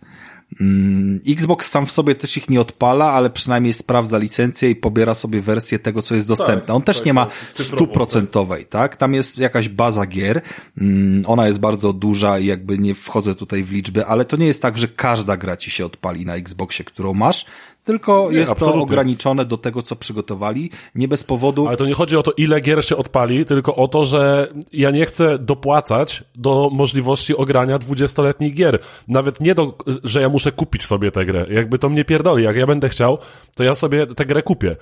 Ale że ja jeszcze do tego muszę dopłacić za możliwość w ogóle uruchomienia starej gry na nowej znaczy, konsoli. Słuchaj, no ja to, to jest ja to według mnie pomyłka. Ja to rozumiem, ale w ogóle wyłączamy kwestię kupienia, bo nie ma na Playce możliwości odpalenia tej starej gry z płyty.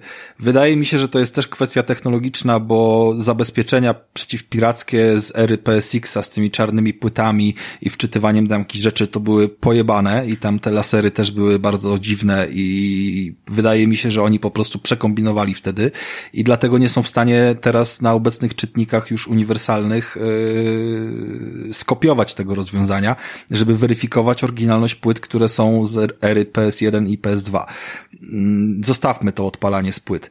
Ale jeżeli chodzi o odpalanie z sieci... Ale właśnie o to chodzi. Większość tych gier ma, ma cyfrowe wersje, no tak? No tak, jeżeli chodzi które, o kwestie... Które odpalą się bez problemu. Jeżeli chodzi o wersje cyfrowe, to rozumiem, że twoim zarzutem jest to, że oprócz y, abonamentu, który udostępnia dostęp do bazy, załóżmy tam tych 300 gier, żeby na przykład była możliwość, że one są dostępne w sklepie i bez abonamentu je sobie kupisz i zagrasz.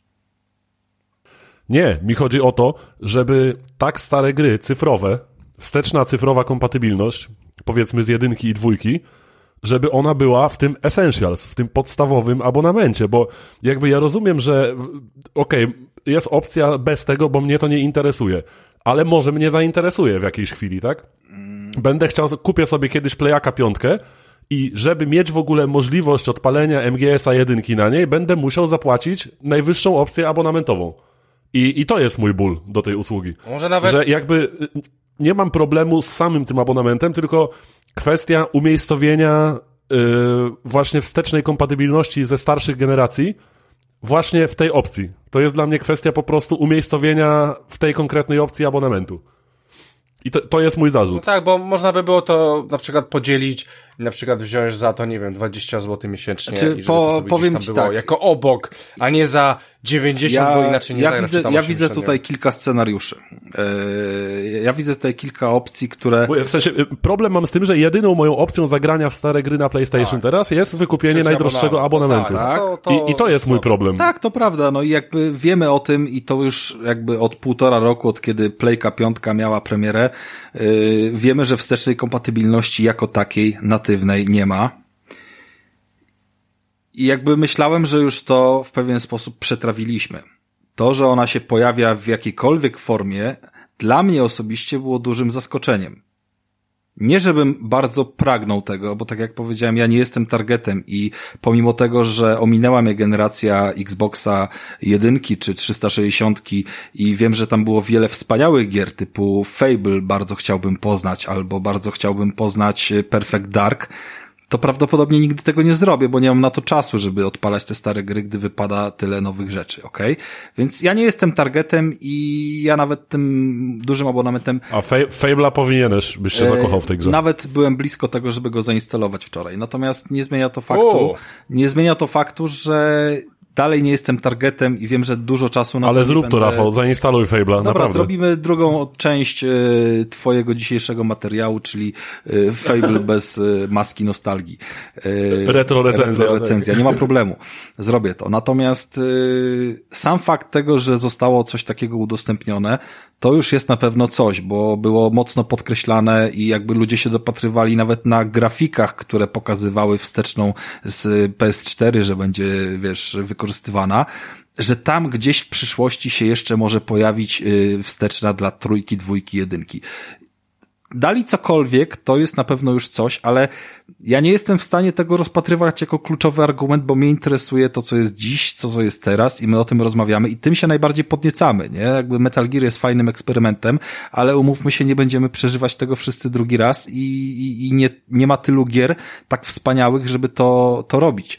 Mm, to jest jakby jedna rzecz, którą chcę powiedzieć. Jeżeli chodzi o kwestię techniczną, no rozwiązali tak jak umieli. Być może z czasem, kiedy PS4 pójdą w zapomnienie, będzie opcja y, emulowania PS3 bez streamingu i y, natywnie gdzieś tam na konsoli, bo nie powiedzieliśmy o tym, ale przeszliście jakby nad y, pewną opcją. Trzecia opcja abonamentu ma właśnie 120 dolarów koszt, czyli celujemy w 480 PLN-ów i ona dopiero zawiera y, opcję grania w y, PSX i PS2 i PSP gry, które pobierzemy sobie na dysk oraz PS3, które będą przez chmurę robioną. I tej chmury nie mamy. My w Polsce na razie ona zostanie za jakiś czas wprowadzona, jaki czas to możemy sobie tylko zgadywać, e, ale przynajmniej zostało to wprost powiedziane, że będzie. E, I z racji tego, że my w Polsce nie mamy chmury, to my będziemy mieć jeszcze czwarty abonament zastępczy z gwiazdką, który będzie tańszy, czyli gdzieś pewnie między 100 a 120 dolarów wskoczy 110 i on nie będzie umożliwiał granie przez chmurę w gry z PS1, 2, 3, 4 i w ogóle, ale jednocześnie będzie umożliwiał pobieranie tych gier i granie w te dema i tak dalej, które się ewentualnie będą pojawiały, więc tak naprawdę realnie tracimy tylko gry z PS3. I tyle, no i zrobili przynajmniej opcję, która usprawiedliwia jakoś tam ten brak, daje jakąś rekompensatę cenową, whatever, ale nie jestem w stanie tego traktować jako coś najbardziej poważnego, dlatego od początku mówię, że dla mnie ten środkowy abonament który wychodzi w gruncie rzeczy taniej niż Game Pass, ale jednocześnie no, nie daje mi premier, ale jednocześnie daje mi bazę gier i nie muszę dodatkowo, wiesz, myśleć o najwyższym abonamencie, bo Gold, ale właśnie streamingu też ci nie daje, a tak dobrze mówię, bo streaming chyba jest tylko w najwyższej opcji. Streaming tak, jest tylko w najwyższej i nie w Polsce, opcji. No. I nie w Polsce. No właśnie, a widzisz, a i okej, okay, on kosztuje troszkę mniej niż Game Pass, ale Game Pass daje ci wszystko, jakby, tak? Masz też tę chmurę. Zgadza się, Możesz tylko ja, ale wiesz, każdy z nas jest innym użytkownikiem. Ja ze streamingu nie korzystam. Jestem pewny, że są ludzie, którzy korzystają. A chociażby na przykład Krystian nie chciał czekać, aż mu się zainstaluje Generation cię. Zero On i nigdy... grał z nami poczekaj, poczekaj, na streamingu. No. Nigdy nikt z nas Pamiętasz tę sytuację? nie grał w streamingu poza jakąś próbą i tak dalej. Nikt tego no nie używa na stałe. Są na pewno ja ludzie, nie... którzy to robią i jakby luz. Jakby nie twierdzę, że to przecież to ma być dla wszystkich, nie? Co więcej, ten streaming tych gier z PS4 yy, nawet na PC, na PC jest dostępny, więc cała biblioteka, jeżeli ktoś weźmie tam abonament, może być odpalana na PC ze streamingu, nie ma problemu. Ale to myślę, że to nie jesteśmy my i to nie jest jakby, nie są też nasi słuchacze, bo... Ale trzeba o tym powiedzieć jakby, tak, bo a nuż to kogoś zainteresuje i to, że my nie jesteśmy targetem, to nie znaczy, że nie powinniśmy jakby wspomnieć o tym fakcie, tak? No tak, tak, tak, więc, e, ale wiemy, że e, usługa PlayStation Now nigdy nie była dostępna w Polsce i prawdopodobnie już nie będzie, bo pewnie zaraz się skończy. E, no i z tego streamingu notabene nie było, pewnie nie mieli serwerów w Polsce albo coś chuj wie, nie wiem. No i w tej ostatniej opcji dalej tego nie będzie, więc nie będzie można sobie streamować tych gier, czy PS4 też, 5, tak jak ja fajnie robiłem, że grałem z Mikołajem w Gearsy, po prostu odpalając Gearsy niezainstalowane, no nie będzie jeszcze tego tej opcji. No Być tak. może... W, w Chociażby w Gearsy właśnie graliśmy tak, przecież, tak. ty grałeś na streamingu tak, wtedy. i wtedy mi się one niby mi się ściągały, ale już i tak grałem, bo mogłem streamować. E, pewnie taka ta opcja będzie. Prawdopodobnie za rok myślę, że e, Sony nie będzie się z tym spieszyło, e, tak jak nie spieszyło się z Now. Zobaczymy w praktyce w ogóle, jak, jakie będzie zainteresowanie tej ostatniej opcji. E, płatnej. Ja myślę, że ona też jest ostatnia e, ze względu właśnie na ten streaming, bo tutaj dochodzą dodatkowe serwery tego wszystkiego i No tak, oczywiście, to jest utrzymanie coś, coś infrastruktury zrobić, sieciowej. To nie jest tak tylko, to jest... że ci dadzą uruchamiać, tylko jednocześnie muszą ci zapewnić tą opcję i ja chciałem tylko powiedzieć, Serwis że cały. jedną z scenariuszy, a wiemy, że to się będzie na pewno rozgrywało względem zainteresowań, jest to, że zamiast Deluxa na przykład, jak streaming zostanie wszędzie odpalony, yy, będzie opcja, która pozwoli na przykład do podstawowego plusa rozszerzyć go, nie wiem, o 10 zł i wtedy dopiero mieć na nim, wiesz, te gry z najwyższego pakietu, ale jednocześnie bez tej bazy 400 gier. Jakby whatever, może się pojawić to na różne opcje. To jest, to jest tak samo abstrakcyjne myślenie, jak to, że w Game Passie nie ma online'u, wiesz, w gratisie, tylko Gold z Game Passem jest oddzielny i dopiero potem Ultimate, nie? Bo, no tak. bo niby dlaczego, więc oni trochę wzięli tak naprawdę z Epic Gamesa, trochę wzięli z EA Playa, trochę wzięli z y, Game Passa i to wszystko sobie jakoś poskładali, no. W gruncie rzeczy... No tak czy siak trzymamy kciuki, no im więcej fajnych usług na rynku, tym lepiej dla prawda wszystkich. Jest taka, że tak. gdyby to, eee... Prawda jest taka, że gdyby to było jeden do jednego, to bardzo łatwo byłoby porównywać atrakcyjność tych usług i właśnie fakt, że coś nie jest zrobione jeden do jednego powoduje, że łatwiej się nam po prostu, wiesz, że ta korporacja może robić potem to, co gdzieś tam chce, nie? Ja jestem, jestem w ogóle e, ciekaw jednej rzeczy, bo e, Zostało zapowiedziane, że tam nie będzie żadnych premier gier, tak? Że nie będziemy grali na tej usłudze w gry Day One. Na pewno nie będziemy grali first party. No właśnie first party zostało powiedziane no właśnie. first party. Nie wykluczone, Ale ja, że jakieś ja mam indyki też... będą się pojawiały, tak jak w Play na Xboxie są, no bo to nie są duże koszty, no skoro jakaś no nawet no, dzisiaj gra też tam, wiesz... Nie zostało to dokładnie powiedziane, czy faktycznie tak będzie, czy nie. Ja mam taką e, stronę, która hejtuje PlayStation, mam parę takich stron i no, na jednej jest napisane, że e, third party też nie dostaną. Więc, e, ale to trzeba by było e, ogólnie znaleźć. Bardziej nie dostaną niż dostaną, e, aczkolwiek wydaje mi się, że powinni coś tam się w tym temacie ruszyć. E, więc przede, to na pewno... Przede no, wszystkim no. ja powiem tylko tyle. To, co powiedział Mikołaj jest e, prawdziwe. Konkurencja, jakby nie patrzeć, jakaś jest można sobie tam Jakaś gadać. Jest. Nie ma no first party, jakaś. ale umówmy się, tych first party ani, znaczy ja więcej skorzystałem jako niebieski i, i Mikołaj więcej skorzystał z, niż, niż ty na przykład, nie? I wiemy jakby wyglądał ostatni rok. Ale ja, ja z indyków dużo korzystam, Rafał. No ale, teraz gram w, ale teraz indyki, gram w Ja rozumiem, indyka. ale to jakby nie są te first party, jakby wiesz, gry od studiów, które są gwarantowane, że zawsze się pojawią. Jakby się chcieć tak dopierdalać, to jeszcze gry first party znikają z Game Passa, bo wygasają licencje. Forza Horizon 4 w tym tak, roku tylko, że, tylko, że zobacz, że Microsoft wiesz. teraz ma BTSD i tak dalej, nie? Ty, to, to też a, robi dużo. A wiesz, ale... że Persona Persona 5 znika z tej Wiem, że Persona 5 znika, no zgadza się, więc to, to wszystko jakby w kontekście usług abonamentowych należy rozpatrywać troszeczkę w innym stopniu i jakby Moim zdaniem teraz się zacznie taki okres, w którym będziemy dostawali coraz coś yy, fajnego od obydwu stron, żeby pokazywać atrakcyjność tych abonamentów. Co więcej, uważam, że strona od twórców, którzy będą negocjowali zarówno teraz z zielonym, jak i niebieskim obozem, mm, bo jedni tak, za... to napędzi rynek. Napędzi rynek, jakby... dlatego że z jednej strony mamy większą bazę użytkowników yy, potencjalnych, tak? Bo to nie chodzi o to, ile osób jest w abonamencie tylko, ale ile osób może kupić abonament, bo coś się w nim pojawia, więc to jest jakby dwustronny biznes mm, i w ten sam sposób jakby swoją bazę Game Pass buduje cały czas premiując te, te rzeczy, które wpadają do niego i zachęcają kolejnych graczy jakby może twórcom zależeć na starcie na obydwu platformach. Mogą mieć płacone za to, że wystartują tylko na jednej. Mogą sami chcieć wystartować tylko na jednej, ale ktoś ich podkupi. Mogą mieć zapłacone więcej na jednej, a mniej na drugiej i mogą inaczej jeszcze być wynagradzani potem za ilość użytkowników, którzy załóżmy w to zagrają, bo to wszystko jest gdzieś tam zaszyte. Więc to się będzie dopiero teraz kształtowało, bo EA Play nie był abonamentem, który w jakikolwiek sposób konkurował, opierał się na jakby jednym twórcy i z góry miał założone zasady, więc tam gdzieś został wchłonięty w pewnym momencie. I, i co z tego, jakby dalej dwie gry raptem z tych 90, które tam są, wiesz, yy, z niego zagrałem, a jedną mam na płycie. Natomiast yy, cała reszta, jest opcja zmiany z miesiąca na miesiąc decyzji, jeżeli coś się wydarzy. I jestem przekonany, że dużo więcej dostaniemy fajnych gier w Game Passie teraz, y, choćby w okresie, jak nie ma premier żadnych, to będzie jakieś Guardiansy czy inne kolejne fajne tytuły y, do niego wskoczą.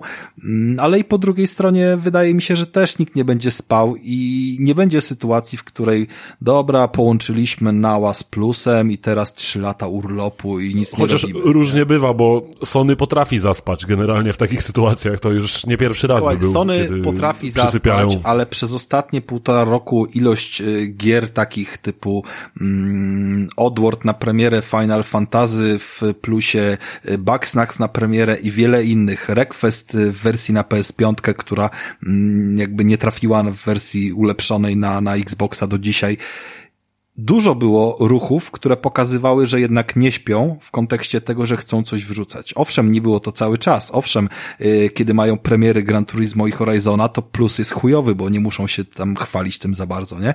Więc ja bym się tak bardzo nie obawiał, poza tym będziemy to pewnie oceniali z miesiąca wiadomo, na miesiąc. rynek się sam wyreguluje, tak czy siak. I na koniec chciałbym tylko, czy on się będzie regulował jeszcze przez lata, nie? I myślę, że cały czas to się będzie zaburzało w jakiś sposób, bo wiemy, że Microsoft ma dużo większe zaplecze finansowe, Sony te złotówki liczy zarówno wpływy, jak i wydatki w zupełnie inny sposób, bo, bo nie może sobie pozwolić, żeby po, po, wiesz, podzielić los na przykład laptopów Vajo, które zostały zaorane, nie? Yy i ja się zastanawiam tylko, jaka będzie y, kwintesencja potem wyboru płatności tych abonamentów. To chciałem powiedzieć wcześniej, bo Sony od dawna przyzwyczaiło nas do tego, że gdy kupujemy tego plusa w, wiesz, na cały rok, to płacimy 240 zł, a nie tam prawie 400, gdybyśmy mieli robić miesięczne abonamenty. Yy, miesięczna odnawialna subskrypcja wychodzi od chuja drożej niż ten roczny abonament, a ten roczny abonament jeszcze możemy kupić w promocji. Więc finalnie płacimy dwa razy taniej niż gdyby to była zwykła miesięczna cena, którą najczęściej się na porównaniach yy, stosuje. Yy, dla odmiany Xbox ma stałą cenę miesięczną nie wychodzi to taniej, gdy bierzemy sobie na trzy miesiące ani na sześć. Jest tak naprawdę to jeden do jednego przeniesione, ale cały czas oferuje jakieś miesięczne y, opcje za 4 zł albo trzy miesięczne, albo dla powracających użytkowników. Dla powracających właśnie, pojawia. Dokładnie. I moja myśl przyszła taka, jakby nawet nie licząc tych pieniędzy mocno, mm, to, że skoro jedni płacą za to, żeby mieć u nich na rok jak najtaniej i jak pojawi się jakaś promocja, to wiadomo, że wezmę za rok powiedzmy za 300 zł niż będę, wiesz, kombinował i zobaczę, co za miesiąc się pojawi, bo to jest prostsze i jakby gwarantowany, od, od razu gwarantowana z góry oszczędność. A z drugiej strony mam Game Passa, który oferuje mi gry Day One, plus dużą bibliotekę, którą już bardzo dobrze znam, bo mam ją od dwóch lat aktywną i czy nie pomyślę sobie wtedy, że w sumie po co mi ten Game Pass, odpalę sobie go wtedy, kiedy będzie jakaś premiera. I to jeszcze zrobię za 4 zł prawdopodobnie. Więc yy, Spodziewałbym się, że może nastąpić też jakaś reakcja Xboxa, jeżeli chodzi o płatności. Nie mówię o podwyżkach cen, bo na pewno tego teraz nie zrobią, ale być może wprowadzą właśnie jakieś y, deklaracje roczne, bo na chwilę obecną deklaracje roczne to oni mają tylko, jak ktoś kupuje nową konsolę i ją bierze w tym, y, wiesz, y, All Access, nie? Abonamencie. Tak jest. Natomiast to jest przecież ogromnie droga sprawa wtedy. To jest 650 zł za dwa lata, 1300, drugie tyle, ile kosztuje Xbox Series S. I jakaś tam część ludzi się na to decyduje, ale ani ja tyle nie płacę za, za Game Passa, ani ty tyle nie płacisz za Game Passa i jedynie Krystian może coś tam, wiesz, powiedzieć, ale też wiem, że wcześniej korzystał z kodów, nie? nie? E, dobra, e, Rafa, bo jesteś, o Boże, jesteś tak niebieski, że to szok. Nie powiesz nic złego o tej usłudze. No kurwa nie powiesz. Ale oczywiście, że e, powiedziałem coś złego. Fajnie, no. fajnie, że tak powiedziałeś, ale e, fajnie, że tak powiedziałeś, że mam usługę PlayStation Plus, to za 4 zł kupię sobie, bo wyjdzie, nie wiem, e, bo wyjdzie e, Starfield, nie? Który, który, który pewnie tak ci nie... Ale co jest w tym o, założeniu okay, nie, nieprawidłowego? Okay, ale nie, ale to poczekaj, ale, ale to poczekaj. To, to powiedz mi, po co mi ta usługa, ten e, PlayStation Plus 400, 400 grami, w której nic nowego tam nie wchodzi, E, z tego co zapowiedzieli, tam nie ma żadnych nowych gier, tam są same starzywa, tak? Więc po co mi mam utrzymywać tą e, usługę? Wolę utrzymywać usługę, która praktycznie co miesiąc wprowadza mi nowe gry i to, a co dwa, co trzy, gruby tytuł, mniej, który ma mniej niż rok, AAA, chociażby ostatniego Guardians for the Galaxy, of the Galaxy. Krystian, okej, okay, ale Więc ty wchodzisz... po co mam trzymać? To ja, to ja za rok sobie kupię na miesiąc usługę PlayStation, ogram te starzywa, które tam dodali przez rok i sobie ale masz oczywiście... bo twój punkt widzenia jest zawsze w jedną stronę. Ja nie, ale ty masz oczywiście mój rację, będzie, tylko że... Mój, mój będzie w tą drugą, okej. Okay. A te 4 zł może dobra. za rok y, w ogóle go nie będzie, Rafał. Masz to jest rację. cały czas opcja promocyjna. To masz rację, że to jest opcja to promocyjna. Wiem, że to przez parę miesięcy to, to, to znikło. W, w ogóle tego nie było. Później to znowu wróciło to te 4 zł nie było zawsze. I pamiętaj, że to jest dla nowych użytkowników. Więc jak już kupisz Czasem raz... też dla powracających, nie? Ale za, na, za powracających nie, nie ma też zawsze. Wiem, że dla powracających nie ma... Nie wiem do końca. Tomek powracał i wiem, że za 4 zł tego nie kupił. Można, to się zmienia. Ja jakby... już, ja już dwa albo trzy razy kupiłem na 3 miesiące za 4 zł, mimo że wcześniej miałem Game Pass. Na jednym koncie. Na jednym koncie, zgadza na jednym się. koncie, ja, ja nie, nie, nie zakładam. To być tak może, to być może, że tak jest. to jest kwestia od tego, czy odpalają promocję i to jest kwestia od tego, jaki tam nie, algorytm. Na moim jednym, na moim jednym koncie to robiłem. Ja nie zakładałem specjalnie no nigdy okay, kont, żeby mieć Game Passa tańszego. ekstra. E, dobra, Krystian, e, ja nie widzę problemu. Możemy, możemy już, możemy nawet temat już kończyć, tylko Możemy kończyć, zrozum. chcę powiedzieć o dwóch rzeczach. Nie możesz, no jakby nie jest prawdziwym założenie, że oferta tych 400 gier, która została zapowiedziana na premierę, nie będzie ulegała zmianie, bo jakby podajesz argumenty, że w Game Passie co miesiąc masz nowy zestaw gier, ale jednocześnie ileś tam tracisz i gwarantuję no ci, tak Gwarantuję ci, że tutaj będzie tak samo, bo tych licencji się nie wykupuje na stałe. To nie jest PlayStation Plus no tak. E, w takim rozumieniu, jaki do tej pory znaliśmy. Te gry również będą wypadały z abonentu e, od Playaka i również będą dochodziły nowe. To jest nawet w oficjalnym komunikacie. Więc jeżeli chodzi o jakość tytułów i tego, co dostaniemy przez najbliższe 12 miesięcy, to ja ci się deklaruję w tym momencie, że obydwa będę miał przez 12 miesięcy najbliższe na pewno opłacone, żeby to mieć e, opcję porównywania, bo jakby nie widzę w tym problemu. Natomiast wiem, że wszyscy będą się nad tym spuszczali i porównywali, jaka jest w tym miesiącu najlepsza oferta, wiesz, jednego i drugiego, bo trzeba przecież o czymś pisać. Yy, i jakby to mnie nie rusza. Jedyna różnica, którą z góry wiemy, że na pewno jej nie będzie, to są gry first party, które się nie pojawią i mnie to osobiście nie boli, bo jakby jestem w stanie za te gry zapłacić, wiem przynajmniej za co płacę i wiem jakby jaka tam jest historia za nimi. No i tyle, nie? Natomiast y, porównywanie tego, czy baza 400 gier, których połowa jest spierdolonym jakimś starym gównem oraz 350 gier z Xboxa, których również połowa jest spierdolonym starym gównem i nigdy ich nie odpalę, nie ma dla mnie sensu. Ale na tym nowszym jednak. Ale nie wiesz tego, czy totalnie nowszym, bo kurwa nie wiesz. No po prostu zrozum tego, że ani ja, ani ty tego nie wiemy. Dlatego zakładam, że jakościowo ten środek jest podobny. poza grami, które zostaną wykupione w ramach promek albo będą bezpośrednio od Xboxa, to ten pozostały wkład będzie kurwa podobny, no bo dlaczego miałby nie być? Jakie masz, jakie masz przesłanki do tego, że miałby nie być, skoro po, to, po coś to jest? Z czego te 400 gier, kurwa, zrobisz? Jakbyś miał 400 gier chujowych znaleźć, to byś musiał sortowanie od najniższej ceny, kurwa, zacząć chyba i po 4 złote je podokładać, ale przecież wiemy, że tak nie będzie, no. I tyle w temacie, więc Ra bez, listy, tak nie będzie. bez listy gier nie wchodźmy na te tematy, tylko raczej eee... na tematy poboczne. Okej, okay. E, ja, ja tylko chcę, jeszcze chciałem jedną rzecz sprawdzić. E, dobra, słuchajcie, e, ja też prawdopodobnie będę brał tą usługę. Będę brał tą usługę ze względu na to, żeby zobaczyć, e, jak to wygląda, z czym to się je. I będę obserwował też tą usługę, jak, e, bo to będzie też ważne. Bo to może być też tak, że tak jak z Disneyem, o czym Rafałowi mówiłem przed odcinkiem, o czym się martwię. Słuchajcie, Disney jest taką platformą, wy jeszcze nie macie jej w Polsce. Ja ją miałem w Anglii, i powiem wam, że od czasu do czasu, jak dostaję od kogoś konto, to sobie tam wpadnę, ale ogólnie.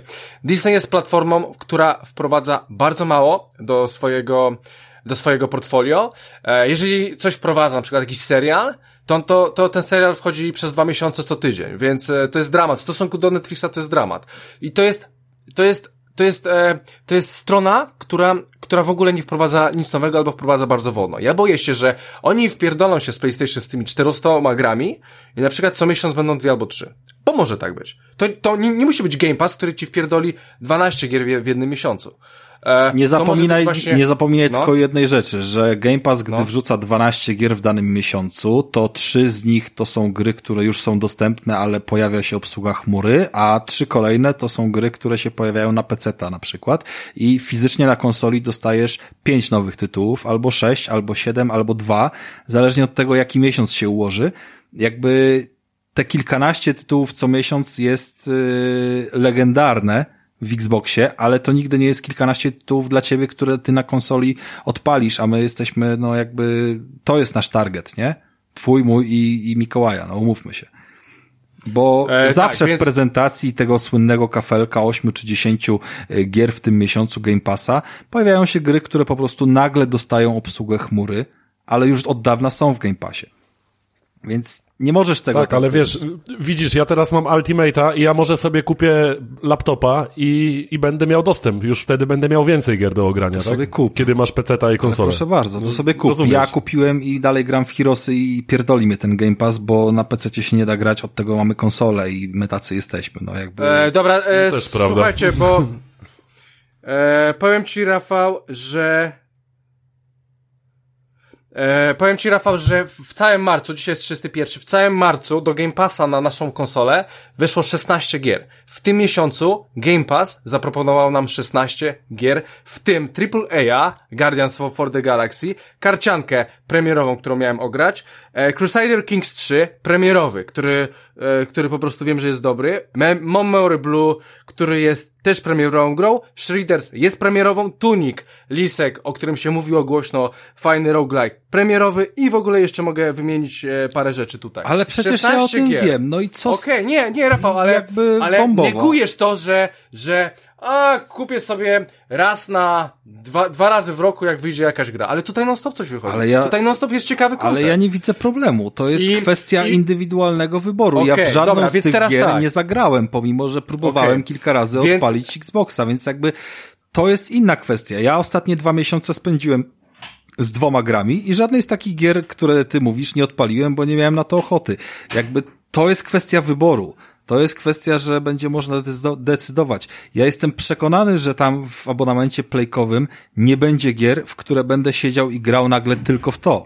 W ogóle to jestem w stu procentach przekonany, że to nie będzie moja, wiesz, przestrzeń. Ja uważam, okay. że w ogóle ten abonament Więc... nie jest dla mnie. Natomiast eee, no tak, ale, nie negujmy tego z góry, chcę... że tam nie będzie na przykład wpadało, wiesz, odświeżania biblioteki, bo kurwa na tym polega idea tego abonamentu, no żeby tak, się o nim mówiło. Tak. To chodzi o to, tak, tak. przecież jak wygląda każdy jebany serwis, nawet taki, który nie jest niebieski ani nie jest zielony, tylko jest zwykłym yy, rakowym, kurwa, wiesz, abonamentem, znaczy Boże, twórcą typu PPE i tak dalej, jedyne co robi, to po prostu kopiuje newsy i tych newsów im jest więcej, tym jest więcej klików, więc o tym się musi klikać, o tym się musi mówić, muszą tam być aktualizacje.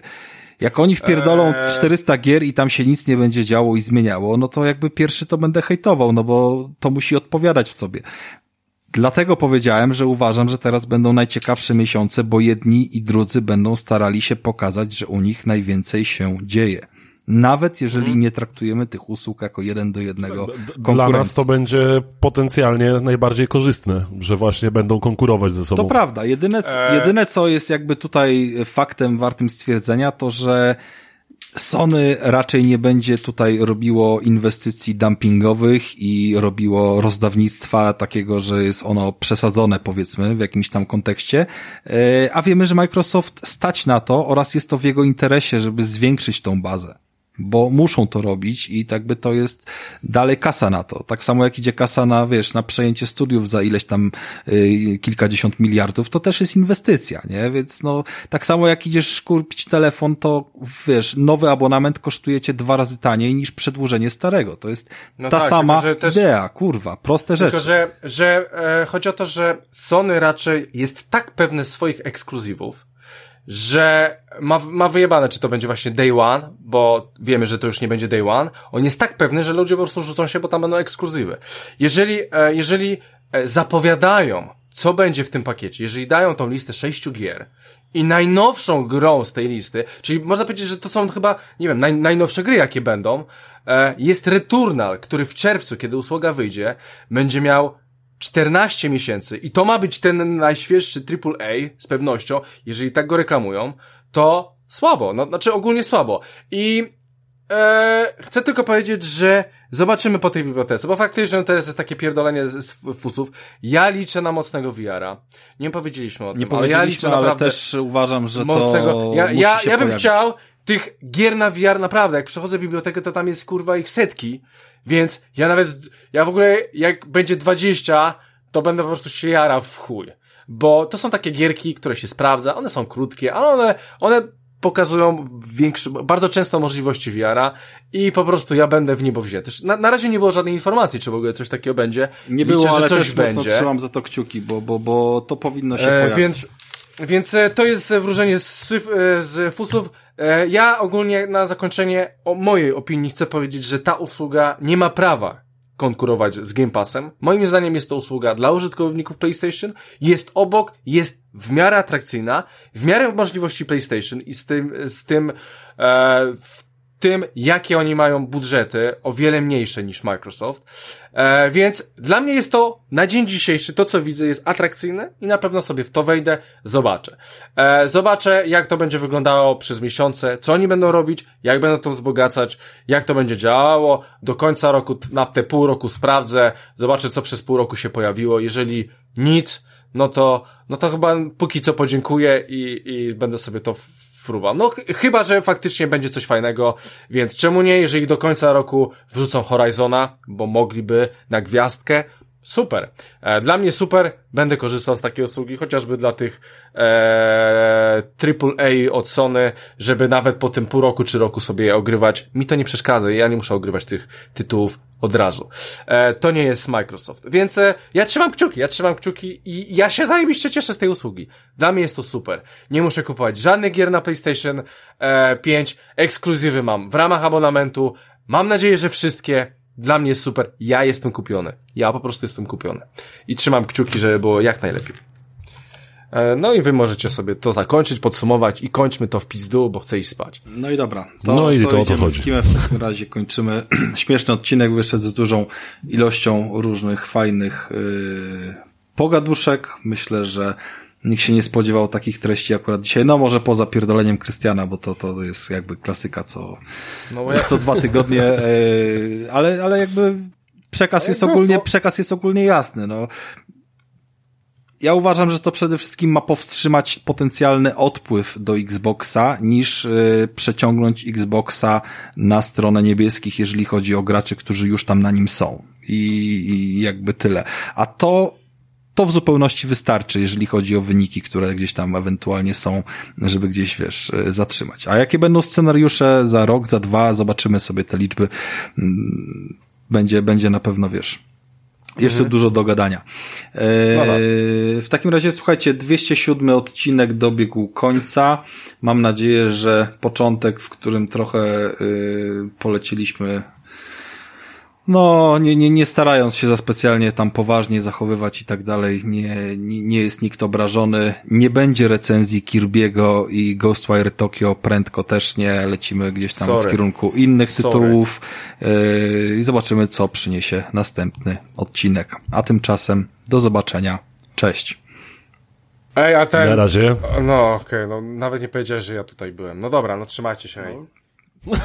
Boże, jaka jebana łajza. Na początku, kurwa, byłeś powiedziany. Okej, okay, ale ja na końcu też chcę co? Już co, kurwa? A, już każdy... Ale to zatrzymujemy już nagrywanie, już czy co? Bo ja jeszcze nie zatrzymałem na przykład. Ja no dobra, to już koniec, okej. Okay, dobra. dobra. Ja, ja tam wrzucę muzykę. to na koniec, na koniec zestrał się Krystian Kender, a był z nami również Mikołaj Weiser i byłem, byłem ja, Rafał. mikrofon. Cześć, nara. Okej, okay, no cześć, dobra, trzymajcie się, hej! Na razie.